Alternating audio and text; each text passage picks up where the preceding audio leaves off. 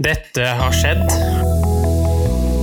The husband typically put some kind of rope on his unwanted wife, took her to a public square, and asked for offers. Generation X versus Z. Sandberg Productions presenterer Den ekte samtalen om og med generasjon X og Z. Hold deg fast og nyt. Hei, hei, kjære lytter. Hjertelig velkommen til dagens episode av Generation X versus Z. Uh, I dag så er vi i episode fire av uh, en serie på ganske mange episoder uh, som jeg har valgt å kalle antidepressiva. Temaet i dag det er personer som var aktuelle og som utretta noe under viktoriatiden. Vi begynner i dag i det som var Sverige, men som i dag er Norge.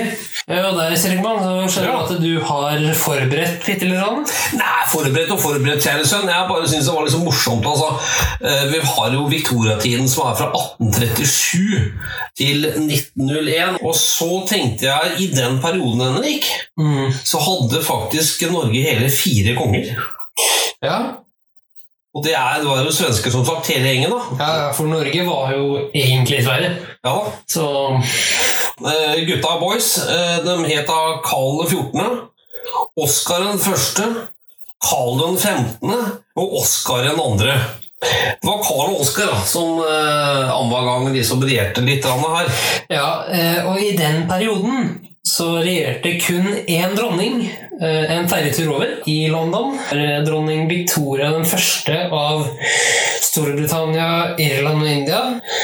Du hadde med en sang, du. Det skjønte jeg. Ja, jeg har det, vet du. Vi kan jo ikke gå utenom å, å berike oss med litt musikk. Også hvis vi tar Victoria-tiden, da, så må vi jo ikke glemme Edvard Grieg.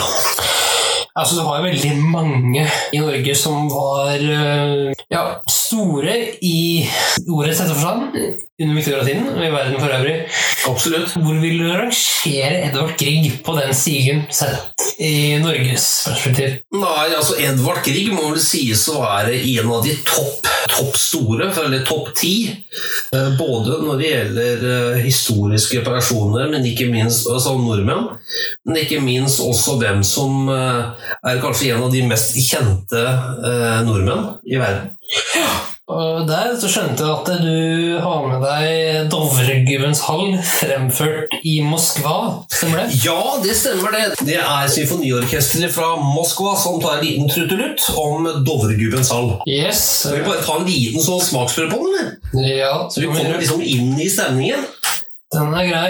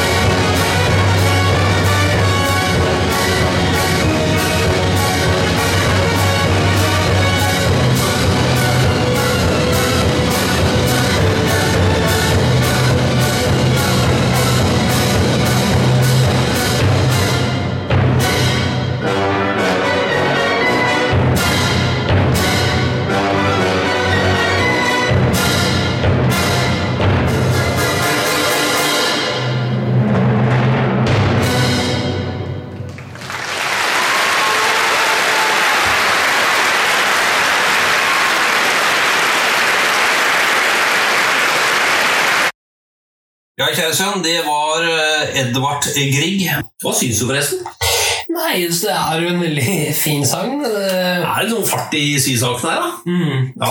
Jeg husker på barneskolen jeg, Ja. så fant en ikke i klasse med, for så vidt, også en versjon i Lego av den sangen. Hæ? Nei, så han fant en versjon som hvor det hadde blitt lagd Lego-figurer. Å, Det var litt gøy. ja, det er kult. Også på den tiden, vi snakker fremdeles om Victoria-tiden, Henrik, så kan det bare ramse opp den ene nordmannen etter den andre, og folk kommer til å si 'ja, han, ja', og 'ja, hun', ja. Det bare florerer av, av bare kjente personer. Skal du høre, Henrik? Ja, gjør det? Sett deg tilbake og bare, bare lytt. Reflekter. Mm, for en periode! Men hør nå. Edvard Grieg. Ja. Henrik Ibsen. Ja. Sigrid Undset. Ja. Henrik Wergeland. Ja. Fridtjof Nansen. Ja. Camilla Collett. Ja. Ivar Aasen. Ja. Det er jo ikke alle som er like glad i han, men Nei, riktig nok. heller, men Okay. ok. Bjørnstjerne Bjørnson. Jaha. Roald Amundsen.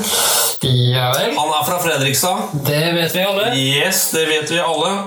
Asbjørnsen og Moe. Yes. Ole Bull. Mhm. Og så har vi da eh, kunstnerne Kittelsen og Tidemann. Og det er, bare, det er bare noen få Det er vel bare noen få mange. Det var også Christian Birkeland, eh, Ja, ja, ja. Fremstad, flere andre sånn. Ja, ja, ja. ja. Vi kunne holdt på i hele dag. Ja, vi kunne det. Eh, men eh, nå Ja, så skal vi over til et veldig sjeldent klipp å få tak i.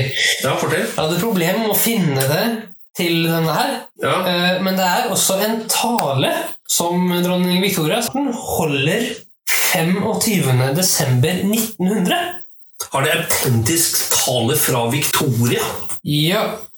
herself? Yes, sir. Wow!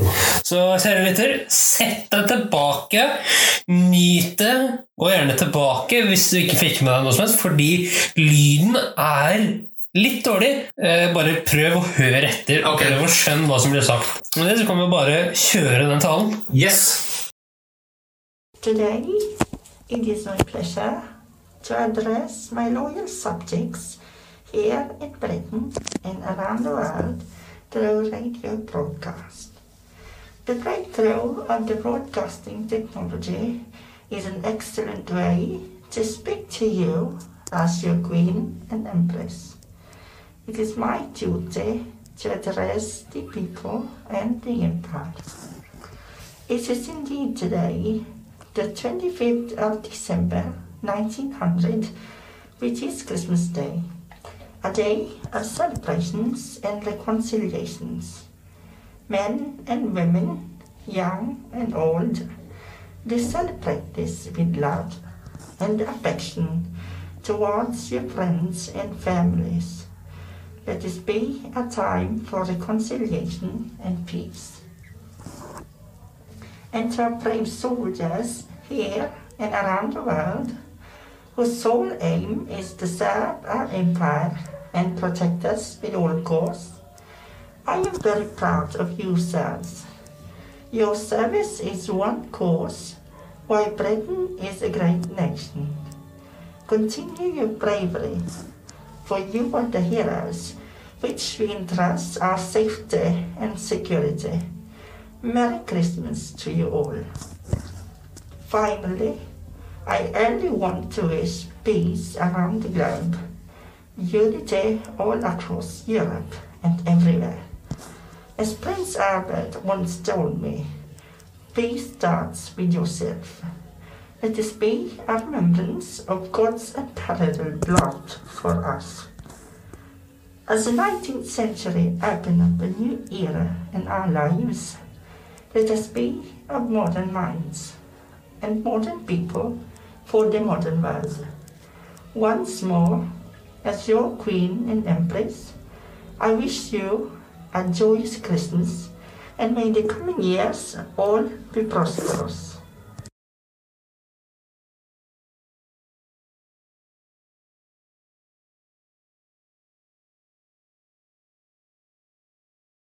Ja, Henrik, du som er engelskmann av oss, kan du fortelle litt mer hva den talen inneholdt? Ja, altså det var jo en, eh, en ønskning om god jul. Også da en hyllest til kringkastingsteknologien eh, fra hennes side. Mm. Eh, Og det var jo en veldig god tale. Jeg kjente at jeg ble skikkelig rørt når jeg hørte den. Eh, Ja. Jeg trodde ikke en eh, dronning fra den epoken skulle være såpass uh, gavmild. da. Ja, eller jeg vil nesten si også litt, litt ydmyk her. Ja, men det som plager meg litt, da, det er at Ja. du kaller folket for royal subjects. Det plager meg litt. Ja, men uh, vi må tenke på den tidens retorikk. Ja, men royal subjects, det plager meg litt for det. Jo, jo. For det er jo ikke kongelige undersåtter, det er jo befolkningen. Ja, eh, jeg skal ikke si med 100 sikkerhet. Nei, altså det, det var jo en tid hvor man hadde veldig sånn skille mellom hvem som var adelig og hvem som ikke var det. Altså man hadde det veldig stort klasseskille. da. Ja da. Vi må tenke, Henrik, på at eh, vi snakker om eh, det er 120 år siden. Ja, per eh, 2020, ja. Ja. Mm, ja, ja, ja. Men nå ja. Hva tenkte du nå, kjære sønn? Nei, nå skal vi over til litt fakta om eh, dronning Victoria. Ja vel? Eh, Og både du og våre kjære lyttere kommer nok til å bli overraska når du hører enkelte av de faktaene. Kjør på. Greit, det. During her reign, Victoria gave her name to an era, the Victorian Age. She and her husband, Prince Consort Albert of Saxe Coburg Gotha, had nine children, though whose marriages were descended many of the royal families of Europe. Alexandrina Victoria was born on May the 24th, 1819, at Kensington Palace in London. Victoria first learned of her future role as a young princess during a history lesson when she was 10 years old.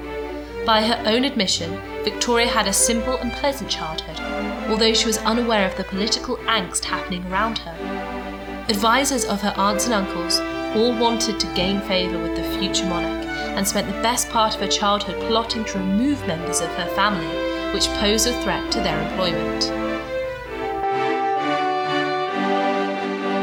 In the early hours of June the 20th, 1837, Victoria received a call from the Archbishop of Canterbury and the Lord Chamberlain and learned of the death of her uncle William IV. The accession of a young woman was romantically popular. The Queen, who had never before had a room to herself, exiled her mother to a distant set of apartments when they moved to Buckingham Palace. Only Lehzen, her governess of whom Victoria was still in awe, remained close to the Queen. Even her beloved uncle Leopold was politely warned off discussions of British politics.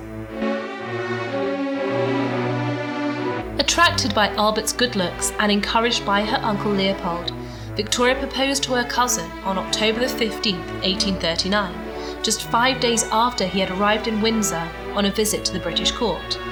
Victoria's wedding to Prince Albert on February the 10th, 1840, was the start of a wedding tradition most women adopt today.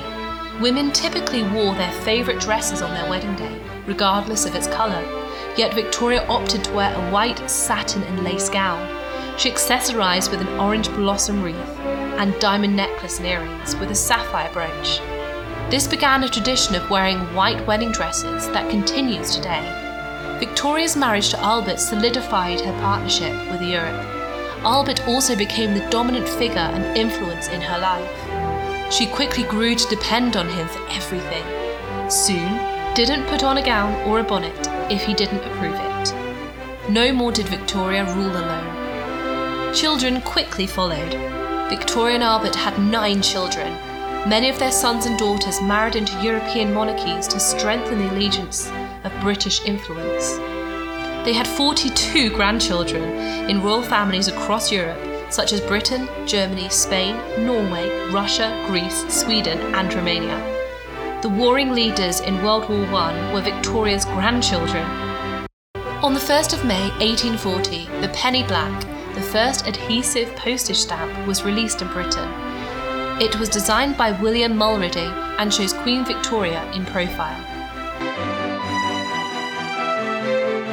Unfortunately, Albert died in December 1861 when Victoria was just 42 years old. After his death, she wore only black to reflect her deep mourning and sadness. She withdrew from her public duties. This began to affect Victoria's reputation as people began to lose patience. She eventually returned to her royal duties in the 1870s, but continued to mourn for Albert until her death. Queen Victoria was entitled with the label of Empress of India in 1877, when India was formally unified with the British Empire. She accepted the title on the advice of her seventh Prime Minister, Benjamin Disraeli, to tie the monarchy and empire closer together. In 1897, Queen Victoria had written down instructions for her funeral in advance, which was to be military as befitting a soldier's daughter, and she would be dressed in white instead of black. Queen Victoria died on January the 22nd, 1901, at Osborne House on the Isle of Wight. She is buried at Frogmore Mausoleum in Windsor, beside Prince Albert. Ja, Henrik. eh, 43 barnebarn, det, det sier sitt om eh, hvor spredningen av eh, engelsk royalty har kommet hen, også i europeisk sammenheng. Over, all over, for å si det nesten sånn. Ja, eh, dronning Victoria er da den siste som regjerte i Hanover-huset. Eh, det jeg sagt. Eh, Men eh, nå så hadde du en litt annen historie før jeg går over til det andre. Jo, Henrik, altså i tidsperioden her Mm. 1827-1901 så har det skjedd ekstremt mye. Jeg har lyst til å nevne noen andre eh, kjente personligheter som, som markerte seg voldsomt, og som eh, nesten bærer preg av i dag. Eh, alle og enhver. Ja. Karl Marx. Jaha, kommunismens far. Yes, eh, Thomas Edison. Elektrisitetens far. Yes, da, Graham Bell. Telefonens far. Ja da, og så har vi han derre kjakan som vi har hatt før, Napoleon. Ja, det er vel eh, krigskunstens far, det. Ja da, det er nok det. Og så har vi da Lenin og Stalin, begge to også i den perioden. Ihuga kommunister. Ja da, og Einstein må vi ikke glemme. Oppfinner. Ja, og en annen variant, eh, kjære sønn, som eh, Ja, vi er glad i det begge to, da. Coca-Cola. Coca-Cola-mannen han døde av morfinavhengighet. Han gjorde det. Eh, Men Coca-Cola ble som faktisk oppfunnet i 1886. Jeg vil bare ta fram det, da. Ja, og en liten fun fact på tampen der. Yes. I Sovjetunionen så ble det lagd en form for klar Coca-Cola. Klar Coca-Cola. Ja. Mener vi vodka og cola? Nei, Nei. ren cola Ren cola? etter oppskrift, men Ja. den ble lagd klar for at den ikke skulle se ut som vestlig cola. Ah, ok. Ja, det er maksspill igjen, da, vet du. Det er, eh, det er vel kommunisme, da. På sin hest. Ja, det er nok det. det, er nok det. Men du, kjære sønn, du, eh, en annen som ikke vi må glemme her, det er Charles Darwin. Charles Darwin, ja, det var vel en naturalist, det vel? Det var det. Og så har vi en annen Charles som du har lyst til å snakke litt mer om, kjære sønn. Ja. Han skal vi gå inn i litt detaljer om. Det er en viss Charles Dickens. Yes. Og Charles Dickens han var med på å forme mye av uh, tida mi på videregående. Generelt også da litteratur fra den tidsperioden. Vi skal høre litt om eh, selve Charles Dickens. eh, Når han ble født, hvem han var, hva han gjorde, hva som fikk han til å skrive, åssen han skriver. Ja. Litt sånne ting. Ja, interessant, Eh, der. Veldig tidlig Ernst Hemingway. På en måte en engelsk prototype av Ernst Hemingway var det. ja. Kjør på, kjære Charles Dickens was the most famous writer in the English language during the 19th century and one of the best selling authors of all time. He can seem remote the frock coat, the velvet collar, the fishtail beard, the bow tie. But he has a lot to say to us today, and that's because he had a remarkable ambition. He believed that writing could play a big role in fixing the problems of the world. Dickens didn't just write. From the very beginning, there were signs of a great showman. As a child, he loved putting on plays in the family kitchen and singing songs standing on a table in the local pub. Before radio or television, going to hear Dickens giving a reading was to experience an exceptional showman. Often to the dismay of later literary friends, entertainment remained at the heart of what Dickens was up to. He was always hoping to get us interested in some pretty serious things the evils of an industrializing society, the working conditions in factories, child labor, vicious social snobbery, the maddening inefficiencies of government bureaucracy. In theory, we recognize that these, and their modern versions, are pretty worthy themes, but if we're honest with ourselves, we admit that they don't sound very inviting as things to read about in a novel in bed or at the airport. Dickens's genius was to discover that the big ambitions to educate his society about its failings didn't have to be opposed to what his critics called fun. Racy plots, a chatty style, clownish characters, weepy moments, and happy endings.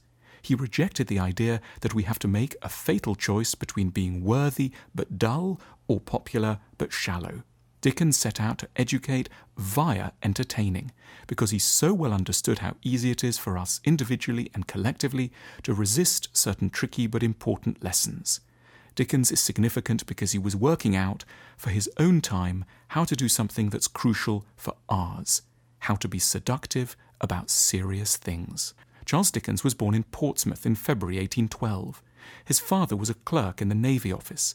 They had to constantly move about to follow his different appointments. It was a genteel life at first, but there were always money troubles looming.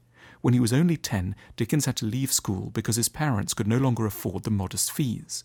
He was sent to work in London at a blacking factory where they made polish for giving a dark sheen, much admired at the time, to metal surfaces. It was a grim experience. Young Dickens hated the fumes and numbing speed with which he had to carry out repetitive tasks.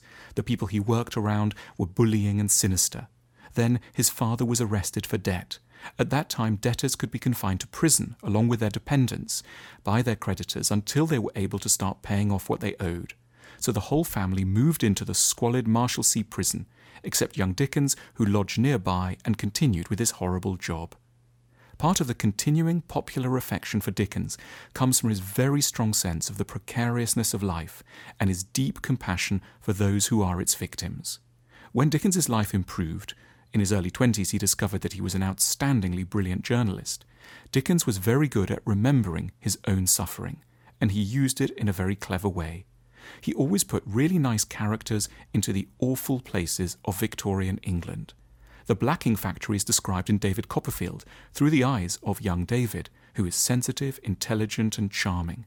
David is the reader when young, or the reader's son or nephew. Dickens is saying, Imagine someone like you or someone you like was in somewhere like that. When he writes about poorhouses, which were local forced labour camps for people unable to support themselves, Dickens sends in little Oliver Twist, who actually belongs to a well to do family from whom he's been separated by a series of tragic accidents. Oliver is not typical at all of the people who ended up in poorhouses, but he's there so that his readers, who at that time would generally be quite prosperous, could think, what if this were me?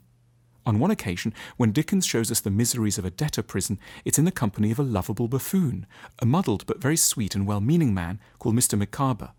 The background protective assumption that only rather shady types could end up here is punctured. Dickens was working with a key assumption. Of course, everyone knew already that there were poorhouses, horrible working conditions, and debtors' prison. These were obvious facts of early 19th century life in England. The point was that comfortable people, the kind of people who had the power to change things, generally didn't feel much sense of urgency. They didn't feel personally connected to the problems. So Dickens used his own experience to get people to feel interested in and sympathetic to the plight of others that they'd normally have been emotionally very distant from. He didn't say, Look how awful it is for them. He said, Here's what it would be like for you. In an ideal world, we'd perhaps care equally about everyone, but in reality, our concern is much more readily directed towards the misfortunes of people we know and find likable. So, if, like Dickens, your project is to draw attention to a failure in the system, it's a very good strategy to follow the method he was using. Get us to like the people who are having a hard time, and then, and only then, can we start to feel engaged. The other thing that Dickens did to keep us on board with his high minded vision of social reform was to keep on showing how well he understood the cosy, pleasing, enjoyable things of life. He desperately didn't want the big causes to come across as meaning you couldn't keep on liking all the sweet comforts of life. So Dickens was particularly good at evoking the pleasures of home. In one of his novels, he takes us to the house of a lovable old eccentric who's refashioned his small suburban house as a miniature castle, complete with a tiny drawbridge that can be pulled up by lengths of twine to keep the wild world at bay. Dickens loved picnics, games of cricket in the park, going shopping for a new tie, doughnuts, sitting by the fire, having friends round for dinner, warm blankets, and going on holiday. Being a caring and good person, he is saying, doesn't mean disdaining the ordinary small pleasures. This is a key element in Dickens's general strategy. He knows it's going to be hard to get people to think about difficult things if you don't start from a deep recognition of what we are already like. Otherwise, you can come across as cold and a bit obsessive. Dickens took the practical business side of writing very seriously. He was immensely productive. He churned out books, and he was deeply concerned about copyright laws, sales figures, and profit margins. But Dickens didn't simply want to sell a lot of novels. He wanted to change things in the world, but he knew perfectly well that a book wouldn't have an effect unless it was in wide circulation, unless the business side was going well.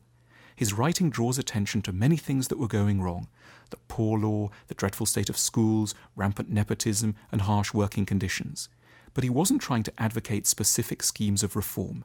If you'd asked Dickens what exactly the government should do to improve the conditions in factories, or what a better legal system would look like, he wouldn't have had a carefully worked out alternative policy to hand.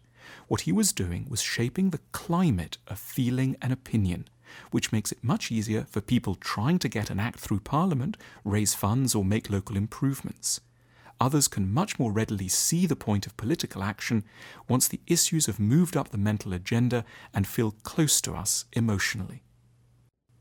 Dickens was very interested in trying to help the world and hugely sensitive to the sufferings of others. But closer to home, things didn't work out so well. He wasn't a good husband or father. He got married in 1837 when he was in his mid 20s to Catherine Hogarth, and they had 10 children together, eight of whom survived into adulthood but Dickens increasingly found her dull and passive, and when he was in his mid 40s, he fell in love with a 19 year old actress, Ellen Ternan. He couldn't get divorced, it was completely taboo for a major public figure to take such a step. So they separated, his wife left after 20 years together, and they never saw each other again. Dickens was unimpressed by all of his children, whom he regarded as idle and ever ready to sponge off him. They were prone to drinking too much and to gambling. Dickens is a painful reminder of the terrible conflicts that can arise between different kinds of devotion. Dickens was immensely painstaking with his work. He'd stay up as late as needed. He'd think of it first thing in the morning. He'd exhaust himself. Yet around his children and his wife, he was plodding, conventional, and often coldly detached. We could blame him and say he should have been a better partner and father, or we could feel a touch of pity for the horrible limitations of our nature, which can make it hard for us to be very good at two very different kinds of things at the same time. And hopefully, a little of this pity can extend to ourselves, since we are the ones who now actually need it. On the 8th of June 1870, when he was 58, Dickens died at home after his usual intense day's work. He was at the early stages of his 15th novel. The Guardian published an obituary the next day. Wherever the English language is spoken, the intelligence we publish this morning of the decease of Mr. Charles Dickens will be received with feelings of deep regret. Early last night it became known that the distinguished novelist had been seized with paralysis at his residence, Gad's Hill, Kent. Dickens's power doesn't lie just in the particular things he wrote. What's even more impressive is the bigger idea to which he was loyal all his life that the task of writing and art more generally is to make goodness attractive, to make it easier and more bearable for us to learn uncomfortable lessons and to broaden our sympathies by helping us to identify with people whose outward lives may be unlike ours, but whose inner lives are not unsimilar. Så nå skal vi til bunns, eh, mer eller mindre, da, i et av verkene til Charles Dickens. Ja. Først så skal vi eh, gå gjennom litt av historien til David Copperfield i form av en filmtrailer. Og så etterpå da, mm -hmm. så mhm. skal vi gå gjennom tre kapitler av David Copperfield-boka. Ok. På lydbok. Ja, det må du høre på. Mm -hmm.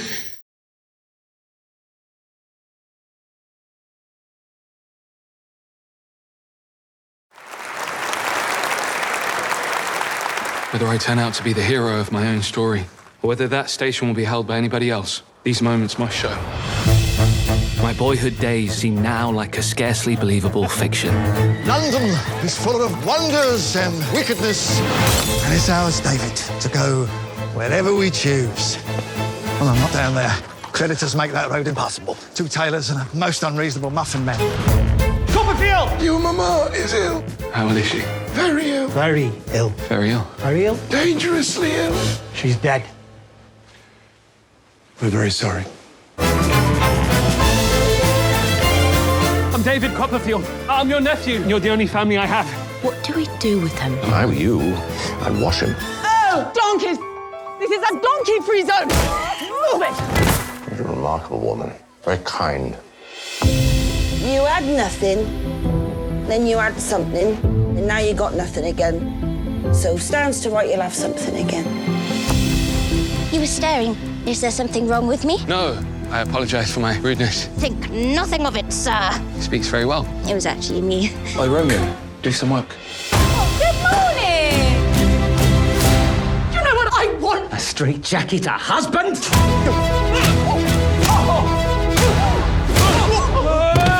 Feels like a party.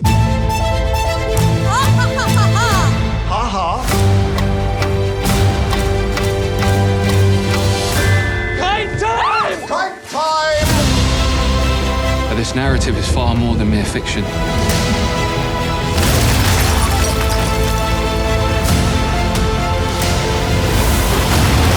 It is, in fact, written memory. And you'll have quite the ride on the way. Altså det som har skjedd nå, det er at du liksom fikk se litt med David Copperfield og eh, spesielt tanta hans. Den adopsjonsprosessen, hvordan det gikk eh, seg til. Nå skal vi over i bokform. Kan bare skyte en bitte liten sånn bisetning her, Henrik? Fordi når jeg var eh, liten tuppetut, det vil si at jeg var litt yngre enn jeg er nå, da, så var David Copperfield en helt. Ja, eh, og det kan jo sikkert ligge mye i det at du kanskje så en film fra 1968 eller leste boka eh, fra 1838. Det kan jo hende. Mhm. Jeg lurer på om det var faktisk gjerne en serie. Ja. En TV-serie, i hvert fall en film. Eh, kan jeg vel tenke meg. Ja. Jeg tro blir morsomt, for jeg vet ikke, jeg er ikke helt sikker. Nei, Men, um... Er du på David Copperfield ennå, eller skal vi gå videre? nei, vi er på David Copperfield ennå. Vi skal høre tre kapitler. Tre kapitler. Hva skal vi høre nå, kjære? Nei, nå skal vi høre liksom fra begynnelsen av, da. Ja. Til David Copperfield uh, Ja, fra David Copperfield ble født, og litt hva som skjer med David Copperfield. Uh, og litt om liksom plager som man må få ut av livet sitt. Ja. Og litt ja, alt midt imellom. Du kan selvfølgelig sette ting i positivt perspektiv Ja, det er viktig. eh, i antidepressiva serien. ja, det er viktig. Kjør på! Greit, det. Chapter 1 Mr. Murdstone I disliked Mr. Murdstone the first time I met him. Perhaps I was just jealous, or perhaps it was more than that. Certainly he was a handsome gentleman, with dark hair and dark whiskers, but there was something in his eyes that made me feel uneasy.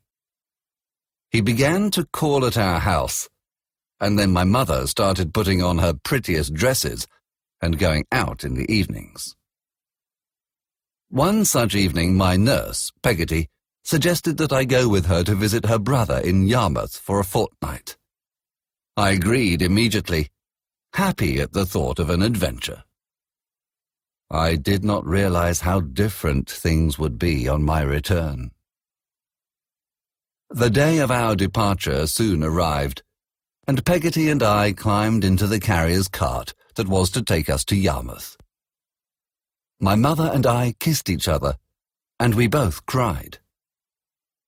When the cart started off, she ran after it to ask for another kiss. As we rode away, I saw Mr. Murdstone speaking to her disapprovingly, and she lowered her head submissively. I shall never forget that holiday. Peggotty's nephew, Ham, was waiting for us when the cart set us down. He swung me on his broad shoulders and took us to their home. The Peggottys lived in a boat that had been taken from the water and made into a small, cosy home. For a young boy like me, it was magical. My nurse's brother, Mr. Peggotty, greeted us warmly and introduced little Emily, his niece. Both she and Ham were orphans. She was about my age, with blue eyes and curls, and I quickly became devoted to her. When it was time for me to leave, we were both inconsolable. As we approached home, however, I became excited about seeing my mother again. She was not at the gate to greet me, and Peggotty led me into the kitchen. Now I was worried. Where is Mamma, Peggotty? What has happened? she isn't dead, is she? Like Papa? Tears filled my eyes. Good gracious, no, Master Davy, she replied, shocked. But there is something I must tell you. You have a new pa. Come and see him. And your mamma. We went into the best parlour. My mother was sitting on one side of the fireplace, and Mr. Murdstone sat on the other. As soon as she saw me, my mother smiled and hugged me timidly. Now, Clara, control yourself, Mr. Murdstone said.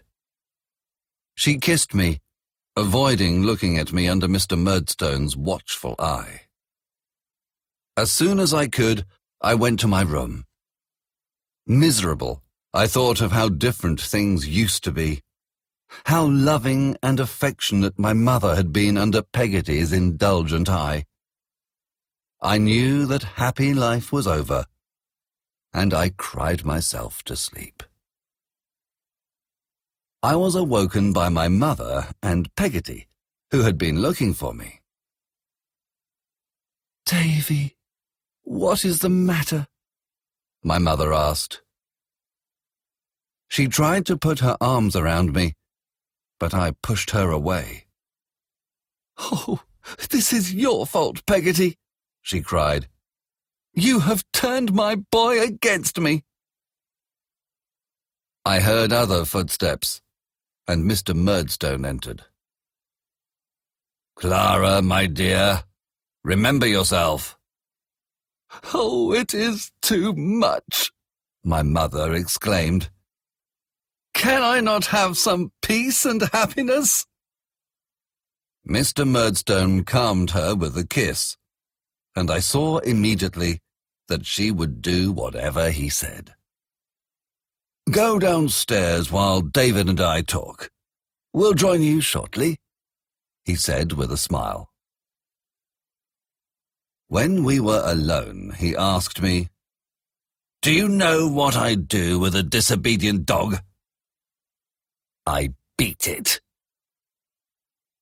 He gave me a hard look, and I understood all too well. Now, Come downstairs and do not displease your mother or me again. After dinner that evening, Mr. Murdstone's sister arrived. She was dark, like him, with the same stern look, but had a large nose and thick eyebrows which almost met in the middle. She had come to help my mother, and started the next morning by rearranging all our store cupboards. From then on, she took control of everything. On the one occasion that my mother asked to be consulted occasionally, Mr. Murdstone accused her of being ungrateful and expressed his disappointment. It was enough.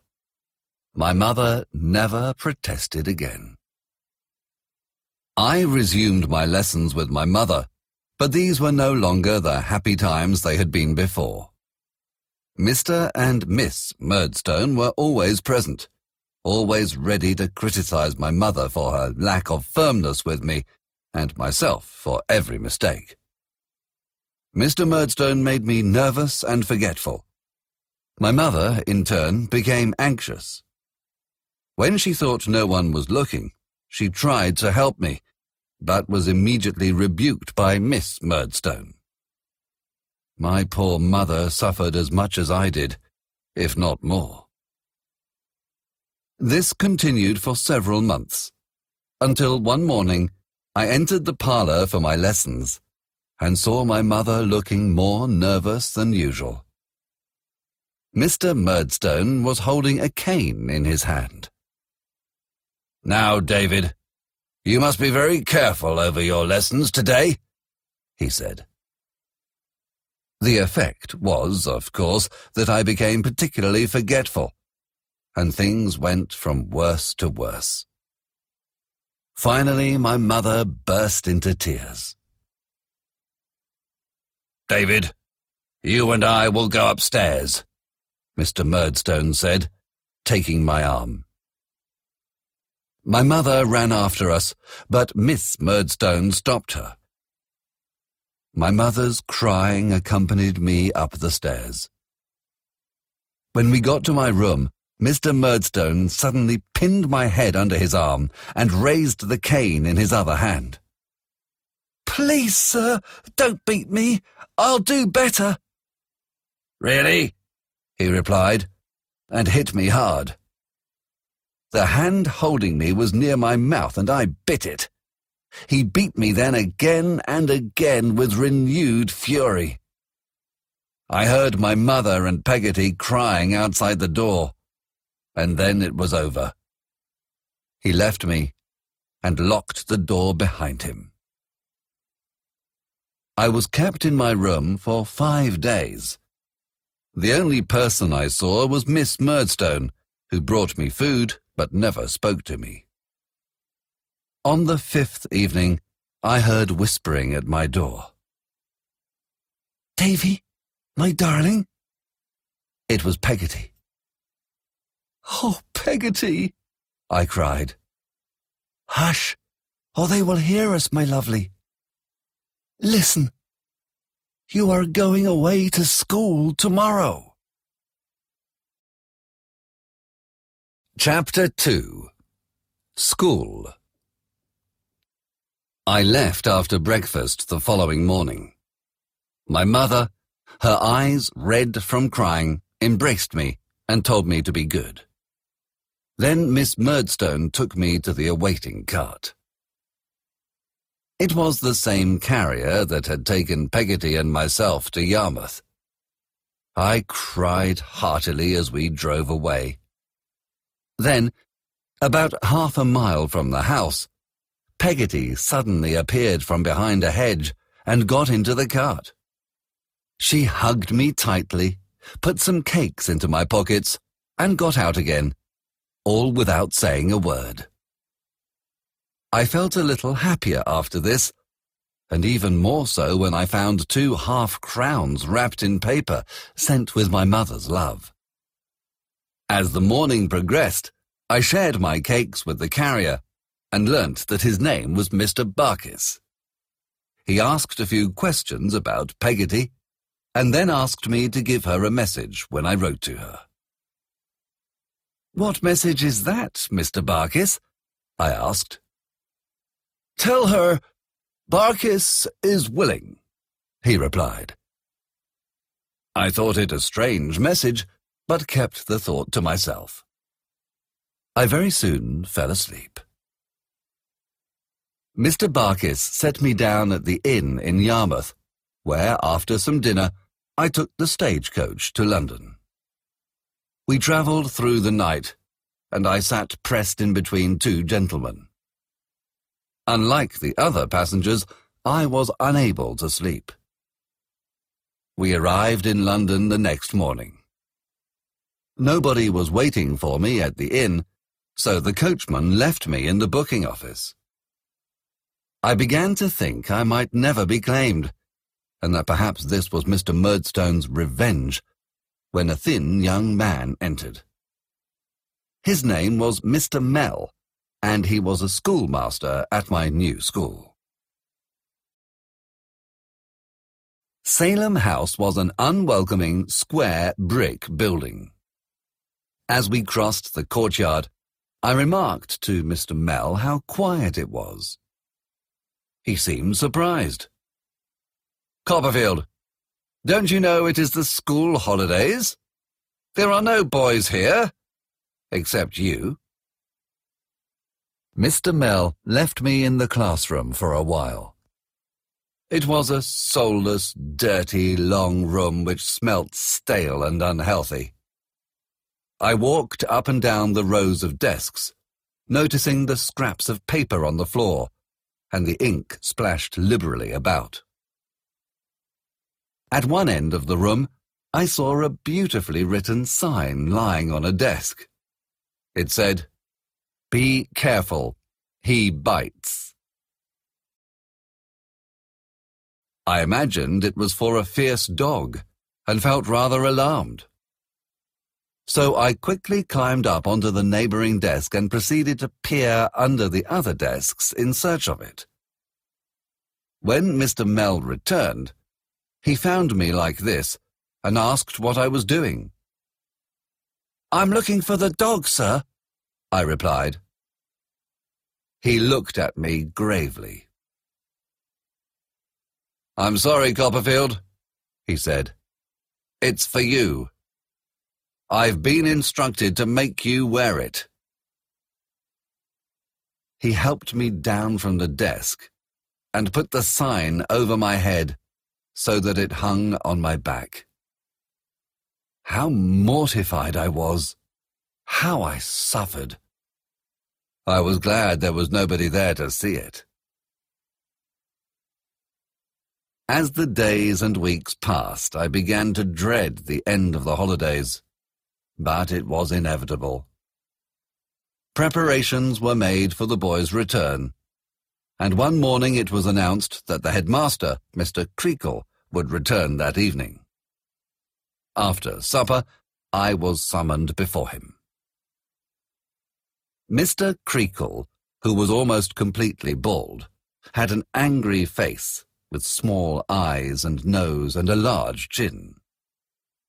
He never spoke above a whisper, and, judging by the veins protruding on his forehead, the effort cost him dearly. I know your stepfather, boy, he said, as I stood before him. And I know something about you. You bite. I lowered my head, and he continued, let me tell you something about myself. I'm a Tartar, and very determined. I do my duty, and make sure what I want done is done. Nobody stands in my way. Do I make myself clear? Yes, sir, I replied, trembling under his fiery gaze. Good. Now go, he replied. I hurried away as quickly as possible. The first boy I met was Tommy Traddles. He found the sign on my back so amusing that he immediately introduced me to all the other boys as they arrived back. However, the most important introduction took place in the playground, and was to a boy some six years older than myself, who was respected and admired by all the boys in the school.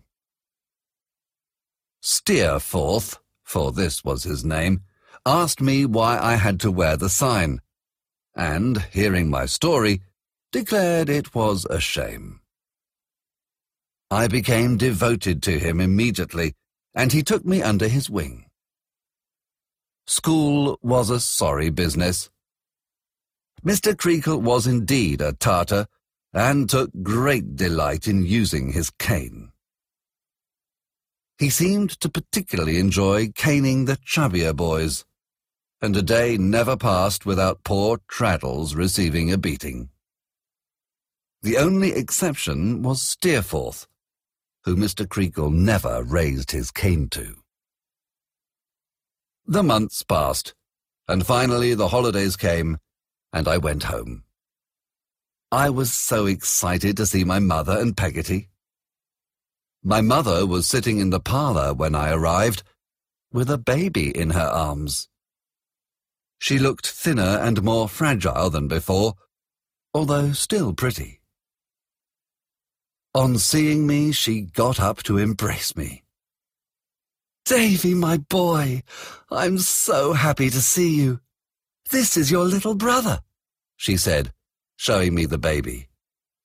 Peggotty came running in then and held me to her. Oh, Master Davy, let me look at you. That evening was the best day of the holiday. Mr. and Miss Murdstone were not at home, and we three all dined together.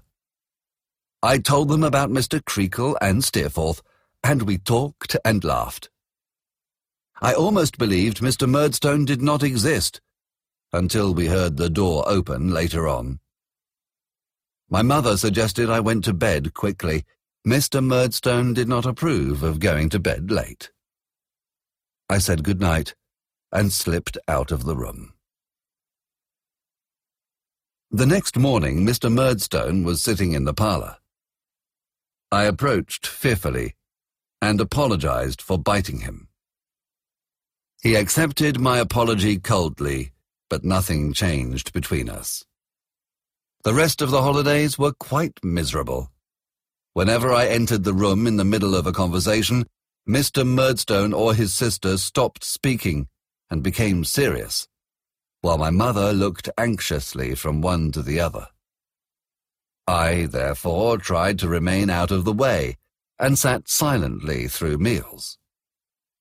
This behavior drew criticism too, and if my mother attempted weakly to defend me, she was also rebuked. Finally, the day came to return to school. My mother came to the gate to say goodbye. When I was sitting in the cart, she held up the baby for me to see, and stood that way as we drove away. I did not know it, but this would be my last image of her. Now I must relate the saddest time of my life.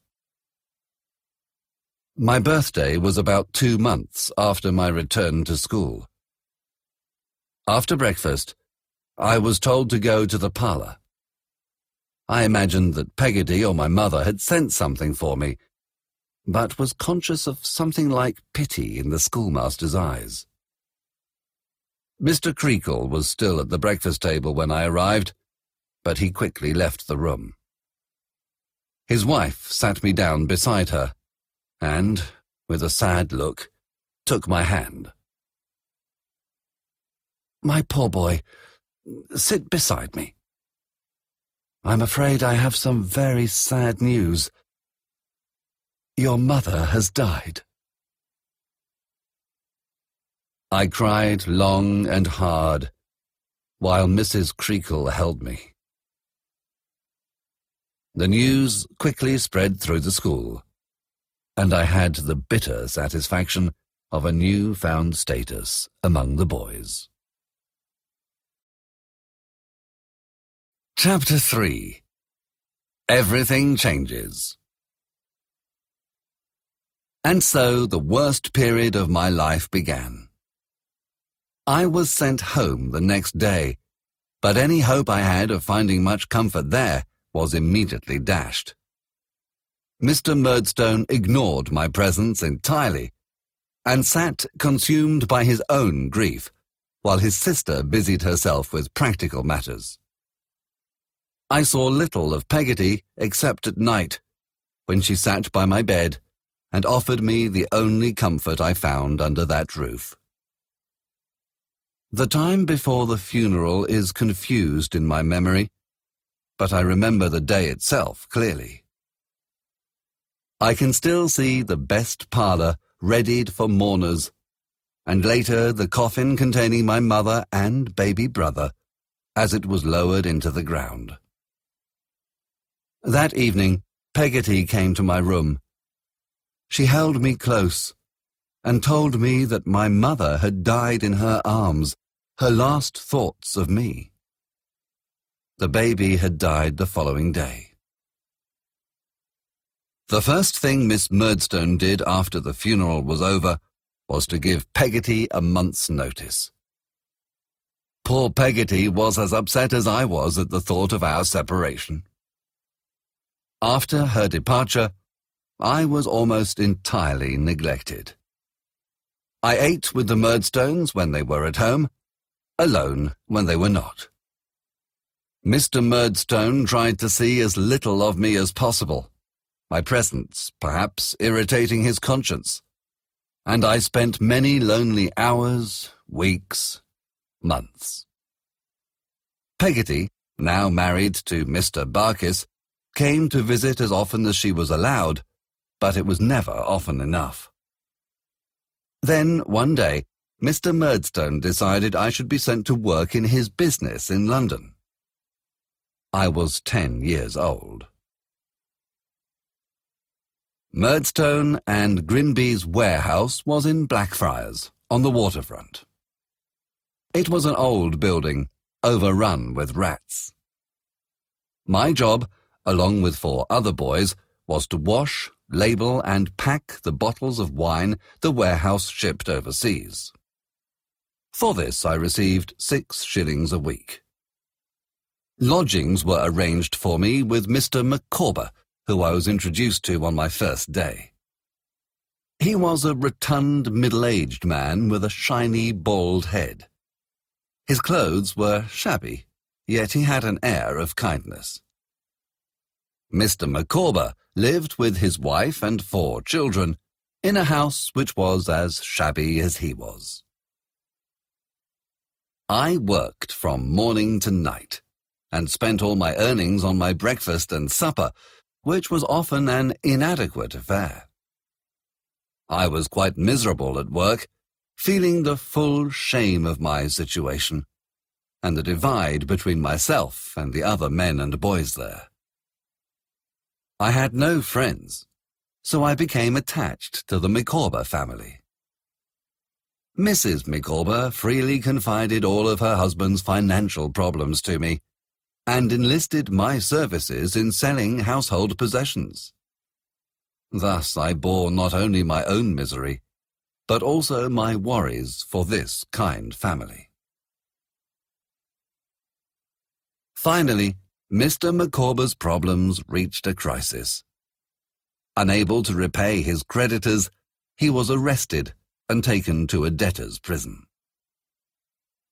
Soon afterwards, the family furniture was sold, and Mrs. Micawber and the children moved into his cell with him.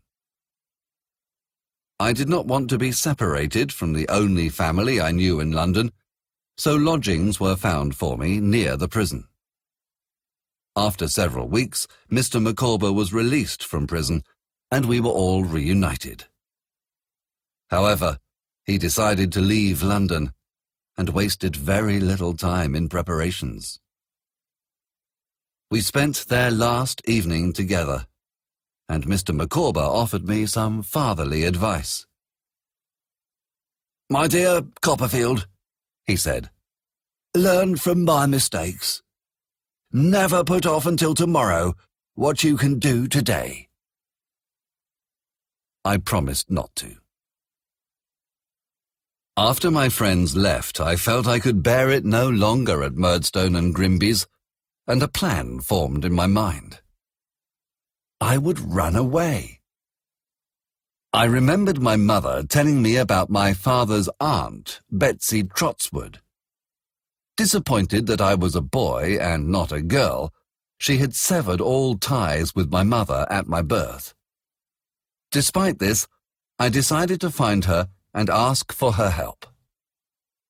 I shall not relate my journey, how I was robbed almost immediately of my possessions, how I walked all day and slept in fields at night, selling my jacket and waistcoat in order to buy food.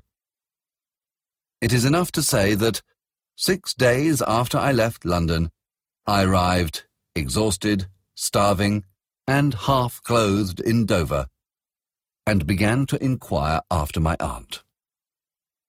I was lucky, and after no more than half a day, I was following her maid along a cliff road to the pretty cottage in which my aunt lived. There, aware of my terrible appearance, my courage failed.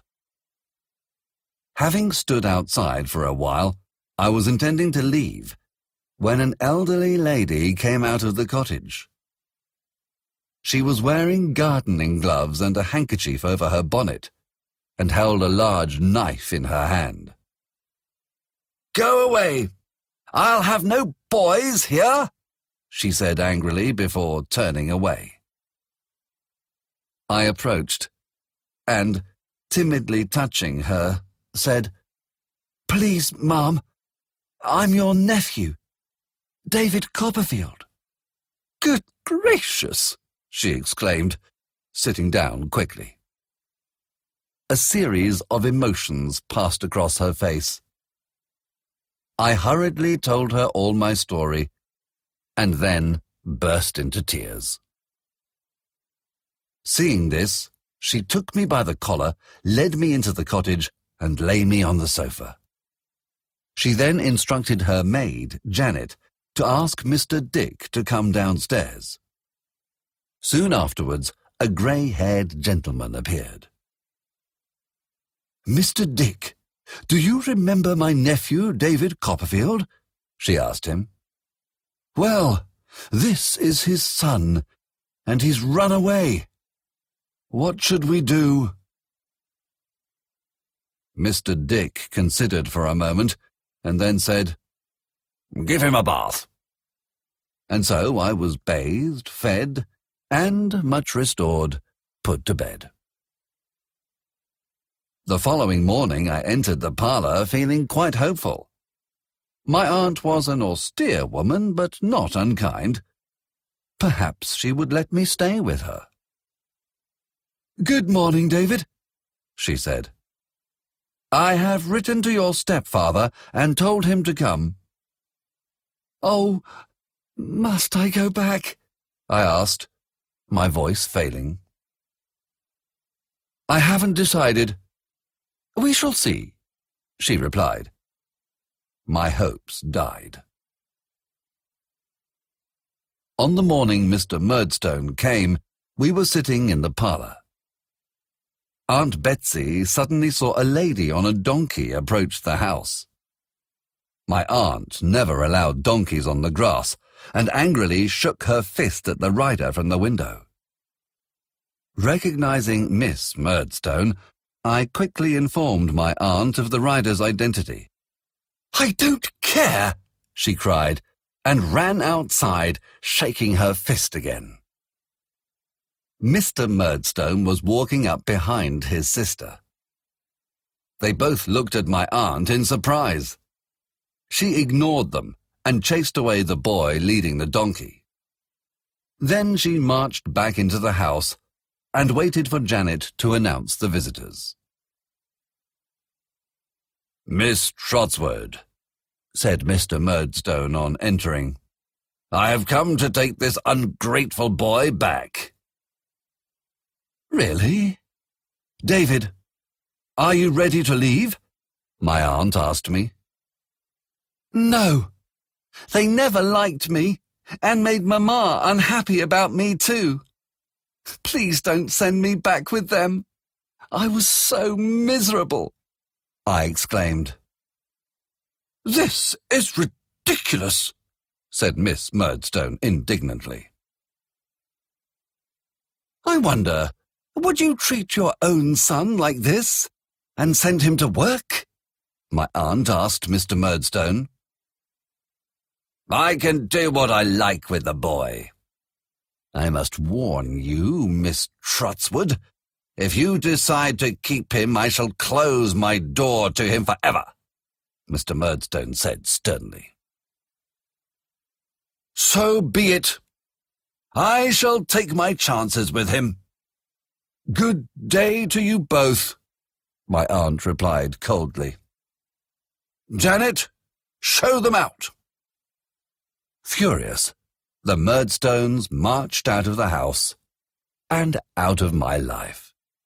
Veldig interessant. Jeg vet nå, Henrik, at du kommer til å ha en person som eh, for meg, når jeg var igjen mindre, husker så veldig godt ble spilt, eh, særlig rundt juletider. Ja, eh, det er jo fordi settingen er satt rundt juletider. Kan du introdusere hva det handler om? Jo, nå skal vi til eh, en liten gutt, i motsetning til David Copperfield, som er en voksen mann. Eh, Vi skal til en liten gutt som heter Oliver Twist. Ja. Og til en trailer som ble lagd i 2005. Oliver Twist er en veldig liten gutt eh, som var foreldreløs, eh, ville ha mer mat, eh, husker jeg. Ble bedt om å bli hengt eh, på grunn av det. Og mye sånt nå. Egentlig en veldig trist historie, men det, det var en lykkelig slutt, da. Ja. Jeg må bare trekke opp uh, tida mi på videregående nok en gang. For jeg husker så veldig godt Jeg hadde engelsk fordypning alene i første klasse. Og jeg da måtte lese gjennom originalutgaven til Oliver Twist-boka. Det er ikke derfor vi er her nå. Vi er her for å høre på en trailer eh, basert på Oliver Twist-boka. Kjør på, Kjøresson. Greit, det.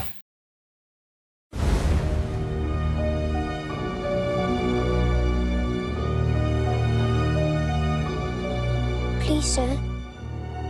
I want some more. What? Oliver Twist has asked for more. For more? That boy will be hanged. You know you've got no father or mother. Yes, sir. You have come here to be educated and to be taught a useful trade. Clear the office. Say your prayers. Yes.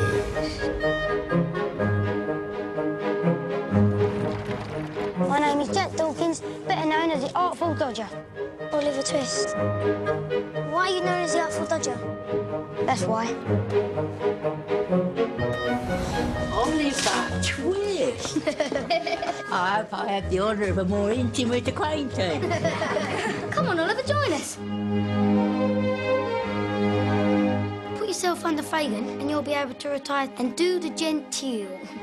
Police are engaged in searching for Fagin and William Sikes, a well-known dangerous villain. You know what this is? You're famous, Fagin.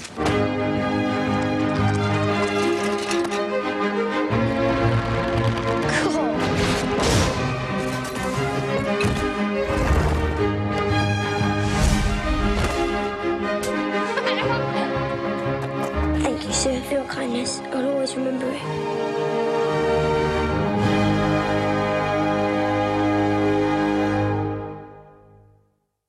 Henrik.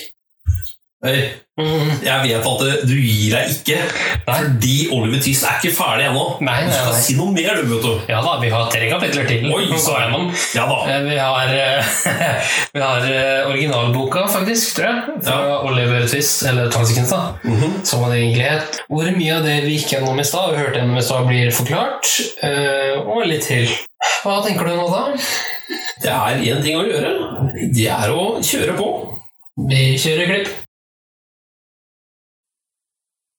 Oliver Twist by Charles Dickens. Chapter 1 treats of the place where Oliver Twist was born and of the circumstances attending his birth. Among other public buildings in a certain town, which for many reasons it will be prudent to refrain from mentioning, and to which I will assign no fictitious name, there is one anciently common to most towns, great or small, to wit, a workhouse. And in this workhouse was born, on a day and date which I need not trouble myself to repeat, inasmuch as it can be of no possible consequence to the reader, in this stage of the business at all events, the item of mortality whose name is prefixed to the head of this chapter. For a long time after it was ushered into this world of sorrow and trouble by the parish surgeon, it remained a matter of considerable doubt whether the child would survive to bear any name at all; in which case it is somewhat more than probable that these memoirs would never have appeared; or, if they had, that being comprised within a couple of pages, they would have possessed the inestimable merit of being the most concise and faithful specimen of biography extant in the literature of any age or country.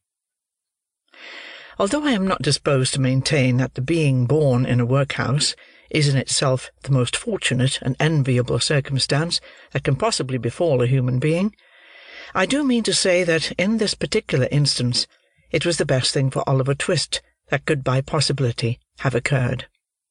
The fact is, that there was considerable difficulty in inducing Oliver to take upon himself the office of respiration; a troublesome practice, but one which custom has rendered necessary to our easy existence; and for some time he lay gasping on a little flock mattress, rather unequally poised between this world and the next; the balance being decidedly in favour of the latter. Now, if during this brief period, Oliver had been surrounded by careful grandmothers, anxious aunts, experienced nurses, and doctors of profound wisdom, he would most inevitably and indubitably have been killed in no time. There being nobody by, however, but a pauper old woman, who was rendered rather misty by an unwonted allowance of beer, and a parish surgeon who did such matters by contract, Oliver and Nature fought out the point between them. The result was, that after a few struggles, Oliver breathed, sneezed, and proceeded to advertise to the inmates of the workhouse the fact of a new burden having been imposed upon the parish, by setting up as loud a cry as could reasonably have been expected from a male infant who had not been possessed of that very useful appendage, a voice, for a much longer space of time than three minutes and a quarter. As Oliver gave this first proof of the free and proper action of his lungs, the patchwork coverlet which was carelessly flung over the iron bedstead rustled; the pale face of a young woman was raised feebly from the pillow; and a faint voice imperfectly articulated the words, "Let me see the child, and die." The surgeon had been sitting with his face turned towards the fire, giving the palms of his hands a warm and a rub alternately. As the young woman spoke, he rose and advanced to the bed's head said with more kindness than might have been expected of him, "Oh, you must not talk about dying yet." "Lor bless her dear heart, no," interposed the nurse, hastily depositing in her pocket a green glass bottle, the contents of which she had been tasting in a corner with evident satisfaction. Lor bless her dear heart, when she has lived as long as I have, sir, and had thirteen children of her own, and all on 'em dead except two, and them in the workus with me, she'll know better than to take on in that way, bless her dear heart. Think what it is to be a mother, there's a dear young lamb, do." Apparently this consolatory perspective of a mother's prospects failed in producing its due effect. The patient shook her head, and stretched out her hand towards the child. The surgeon deposited it in her arms. She imprinted her cold white lips passionately on its forehead, passed her hands over her face, gazed wildly round, shuddered, fell back, and died. They chafed her breast, hands, and temples, but the blood had stopped for ever. They talked of hope and comfort. They had been strangers too long. "It's all over, Mrs. uh, Thingummy," said the surgeon at last. "Ah, poor dear, so it is," said the nurse, picking up the cork of the green bottle, which had fallen out on the pillow as she stooped to take up the child. "Poor dear!" "You needn't mind sending up to me if the child cries, nurse," said the surgeon, putting on his gloves with great deliberation. "It's very likely it will be troublesome. Give it a little gruel, if it is." He put on his hat, and, pausing by the bedside on his way to the door, added, "She was a good-looking girl, too. Where did she come from?" "She was brought here last night," replied the old woman, "by the overseer's order. She was found lying in the street. She had walked some distance, for her shoes were worn to pieces but where she came from, or where she was going to, nobody knows." The surgeon leaned over the body, and raised the left hand. "Ah, the old story," he said, shaking his head. "No wedding ring, see. Ah! Good night." The medical gentleman walked away to dinner; and the nurse, having once more applied herself to the green bottle, sat down on a low chair before the fire, and proceeded to dress the infant. What an excellent example of the power of dress, young Oliver Twist was! Wrapped in the blanket which had hitherto formed his only covering, he might have been the child of a nobleman, or a beggar. It would have been hard for the haughtiest stranger to have assigned him his proper station in society. But now that he was enveloped in the old calico robes which had grown yellow in the same service, he was badged and ticketed, and fell into his place at once, a parish child, the orphan of a workhouse, the humble, half-starved drudge, to be cuffed and buffeted through the world, despised by all, and pitied by none. Oliver cried lustily. If he could have known that he was an orphan, left to the tender mercies of church wardens and overseers, perhaps he would have cried the louder.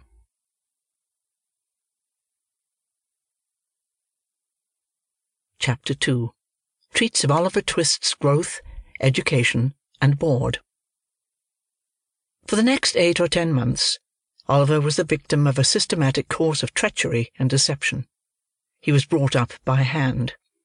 The hungry and destitute situation of the infant orphan was duly reported by the workhouse authorities to the parish authorities.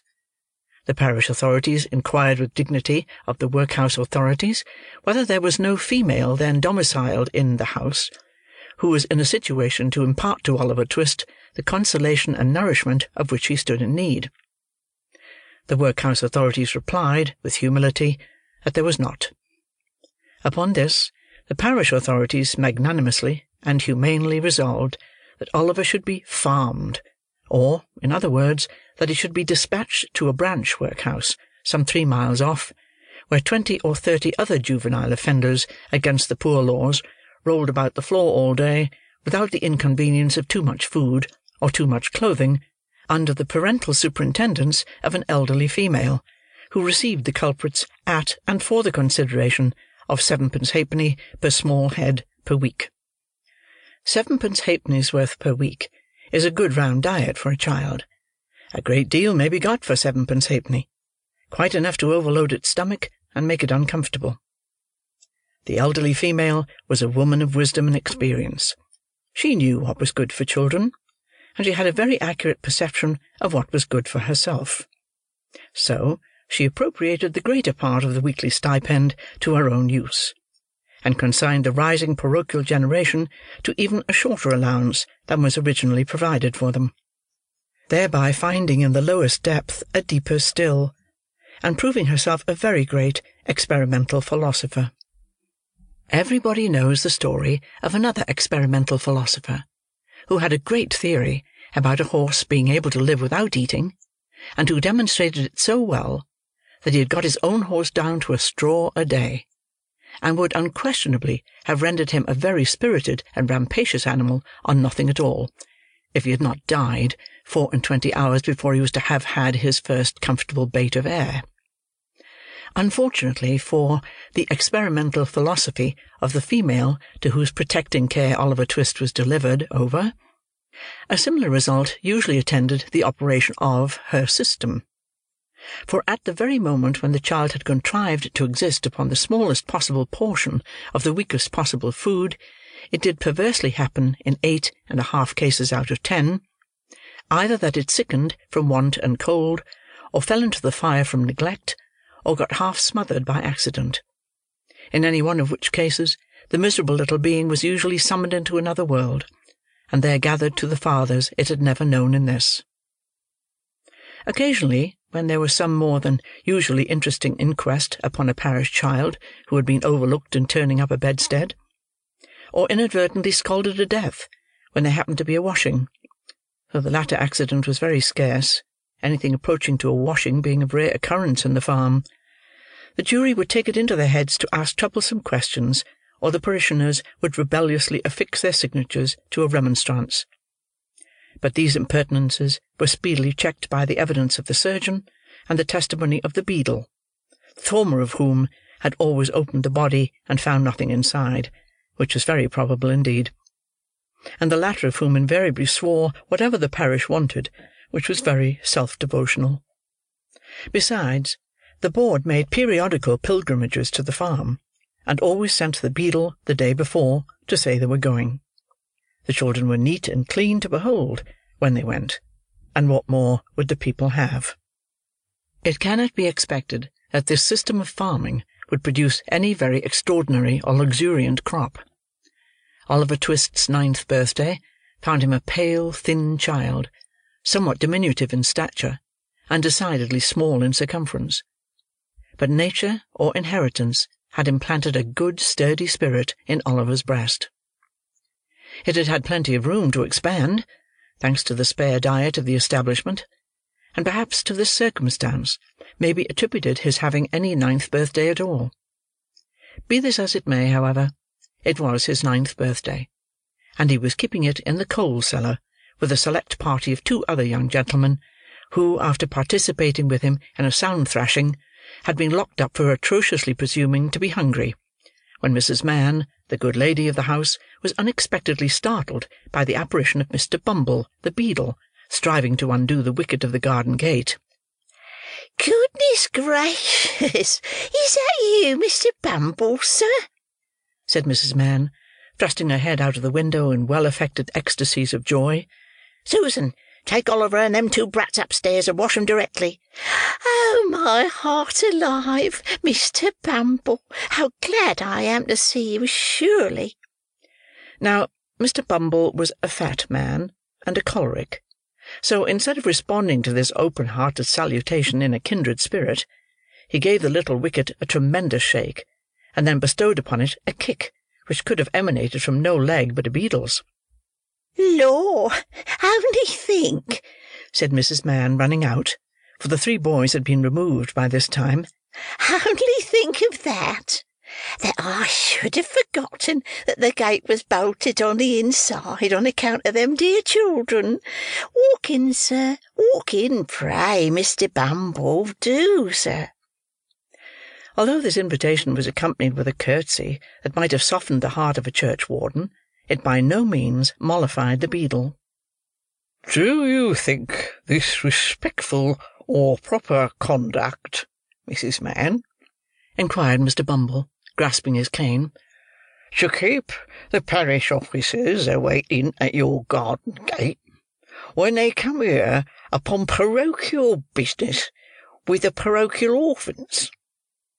Are you aware, Mrs. Mann, that you are, as I may say, a parochial delegate and a stipendiary?" "Oh, I'm sure, Mr. Bumble, that I was only a telling one or two of the dear children as is so fond of you, that it was you were coming," replied Mrs. Mann, with great humility. Mr. Bumble had a great idea of his oratorical powers and his importance. He had displayed the one, and vindicated the other. He relaxed.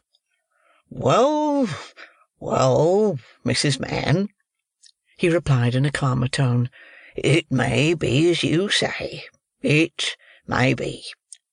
Lead the way in, Mrs. Mann, for I come on business, and have something to say." Mrs. Mann ushered the beadle into a small parlour with a brick floor, placed a seat for him, and officiously deposited his cocked hat and cane on the table before him. Mr. Bumble wiped from his forehead the perspiration which his walk had engendered, glanced complacently at the cocked hat, and smiled. Yes, he smiled. Beadles are but men, and Mr. Bumble smiled. "Now, don't you be offended at what I'm a going to say," observed Mrs. Mann with captivating sweetness. "You've had a long walk, you know, or I would mention it. Now, will you take a little drop of something, Mr. Bumble?" "Not a drop, nor a drop," said Mr. Bumble, waving his right hand in a dignified but placid manner.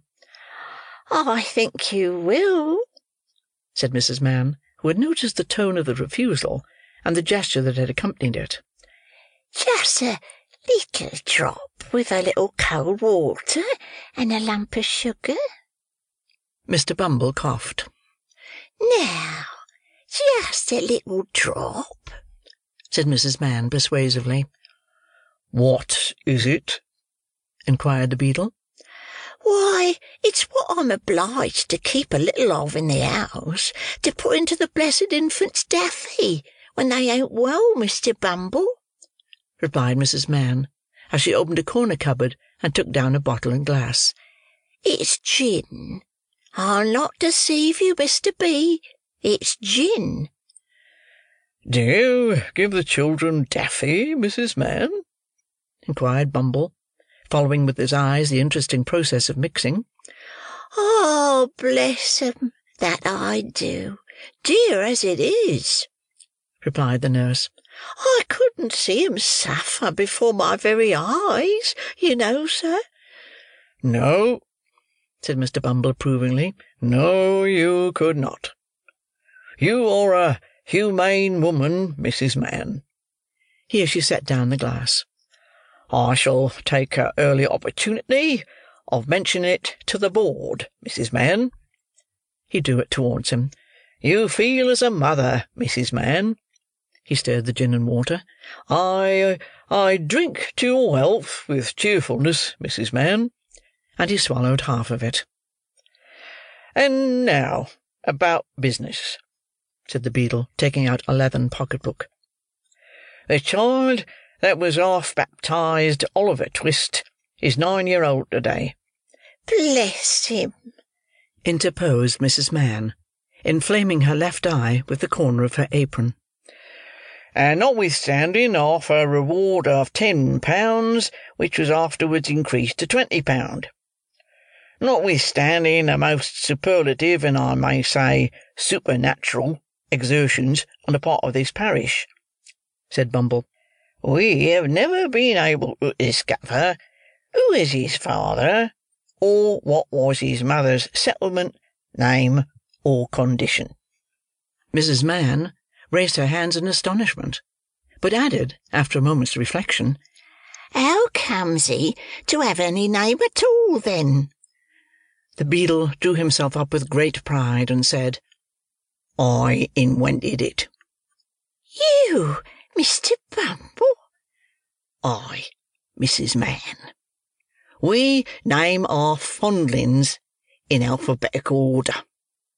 The last was a S, Swabble, I named him. This was a T, Twist, I named him. The next one comes will be Unwin, and the next Vilkins. I have got names ready-made to the end of the alphabet, and all the way through it again, when we come to Z. Why, you're quite a literary character, sir, said Mrs. Mann. Well, well, said the beadle, evidently gratified with the compliment. Perhaps I may be, perhaps I may be, Mrs. Mann. He finished the gin and water, and added, Oliver being now too old to remain here, the board have determined to have him back into the house. I have come out myself to take him there. So, let me see him at once. I'll fetch him directly, said Mrs. Mann, leaving the room for that purpose.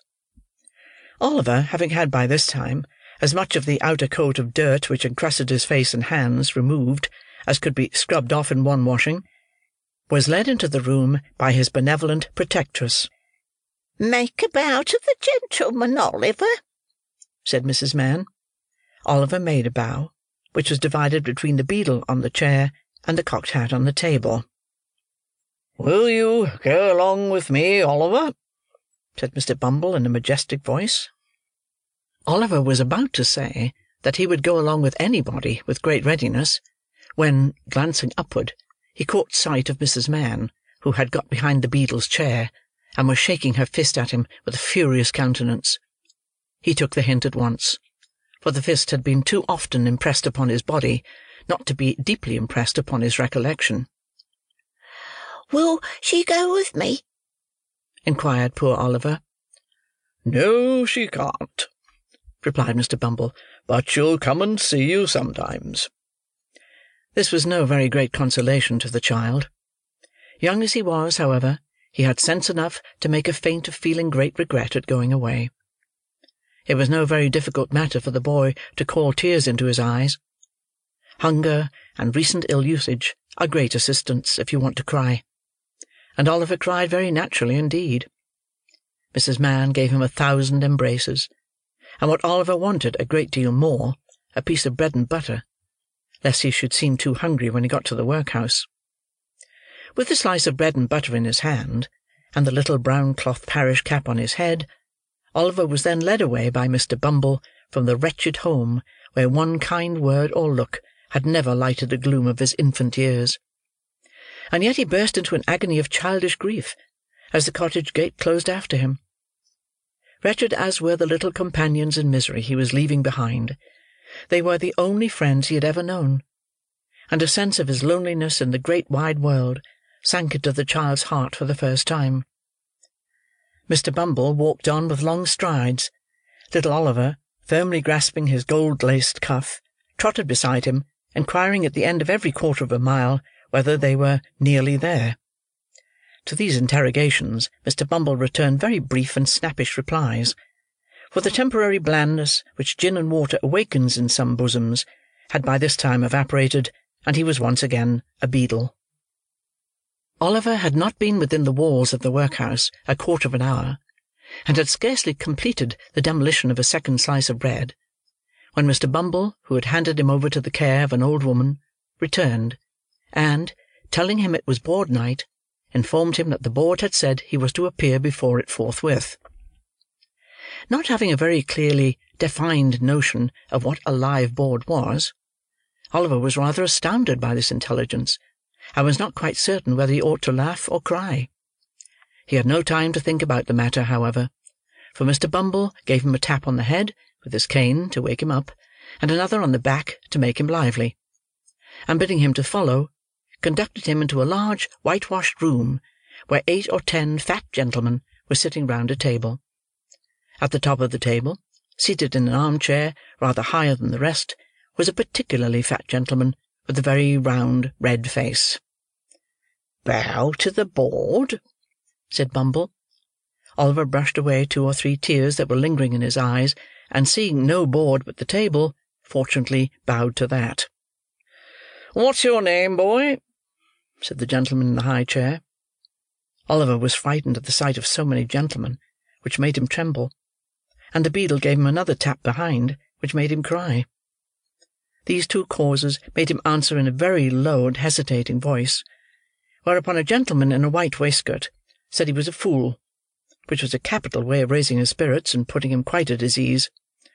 "Boy," said the gentleman in the high chair, "listen to me. You know you're an orphan, I suppose?" "What's that, sir?" inquired poor Oliver. "The boy is a fool. I thought he was," said the gentleman in the white waistcoat. "Hush!" said the gentleman who had spoken first. "You know you've got no father or mother, and that you were brought up by the parish, don't you?" "Yes, sir," replied Oliver, weeping bitterly. "What are you crying for?" Inquired the gentleman in the white waistcoat. And to be sure it was very extraordinary.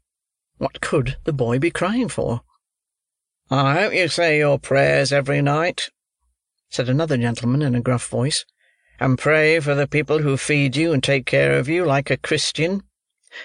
"Yes, sir," stammered the boy. The gentleman who spoke last was unconsciously right. It would have been very like a Christian, and a marvellously good Christian too, if Oliver had prayed for the people who fed and took care of him. But he hadn't, because nobody had taught him. "Well, you have come here to be educated and taught a useful trade," said the red-faced gentleman in the high chair. "So you'll begin to pick oakum to-morrow morning at six o'clock," added the surly one in the white waistcoat.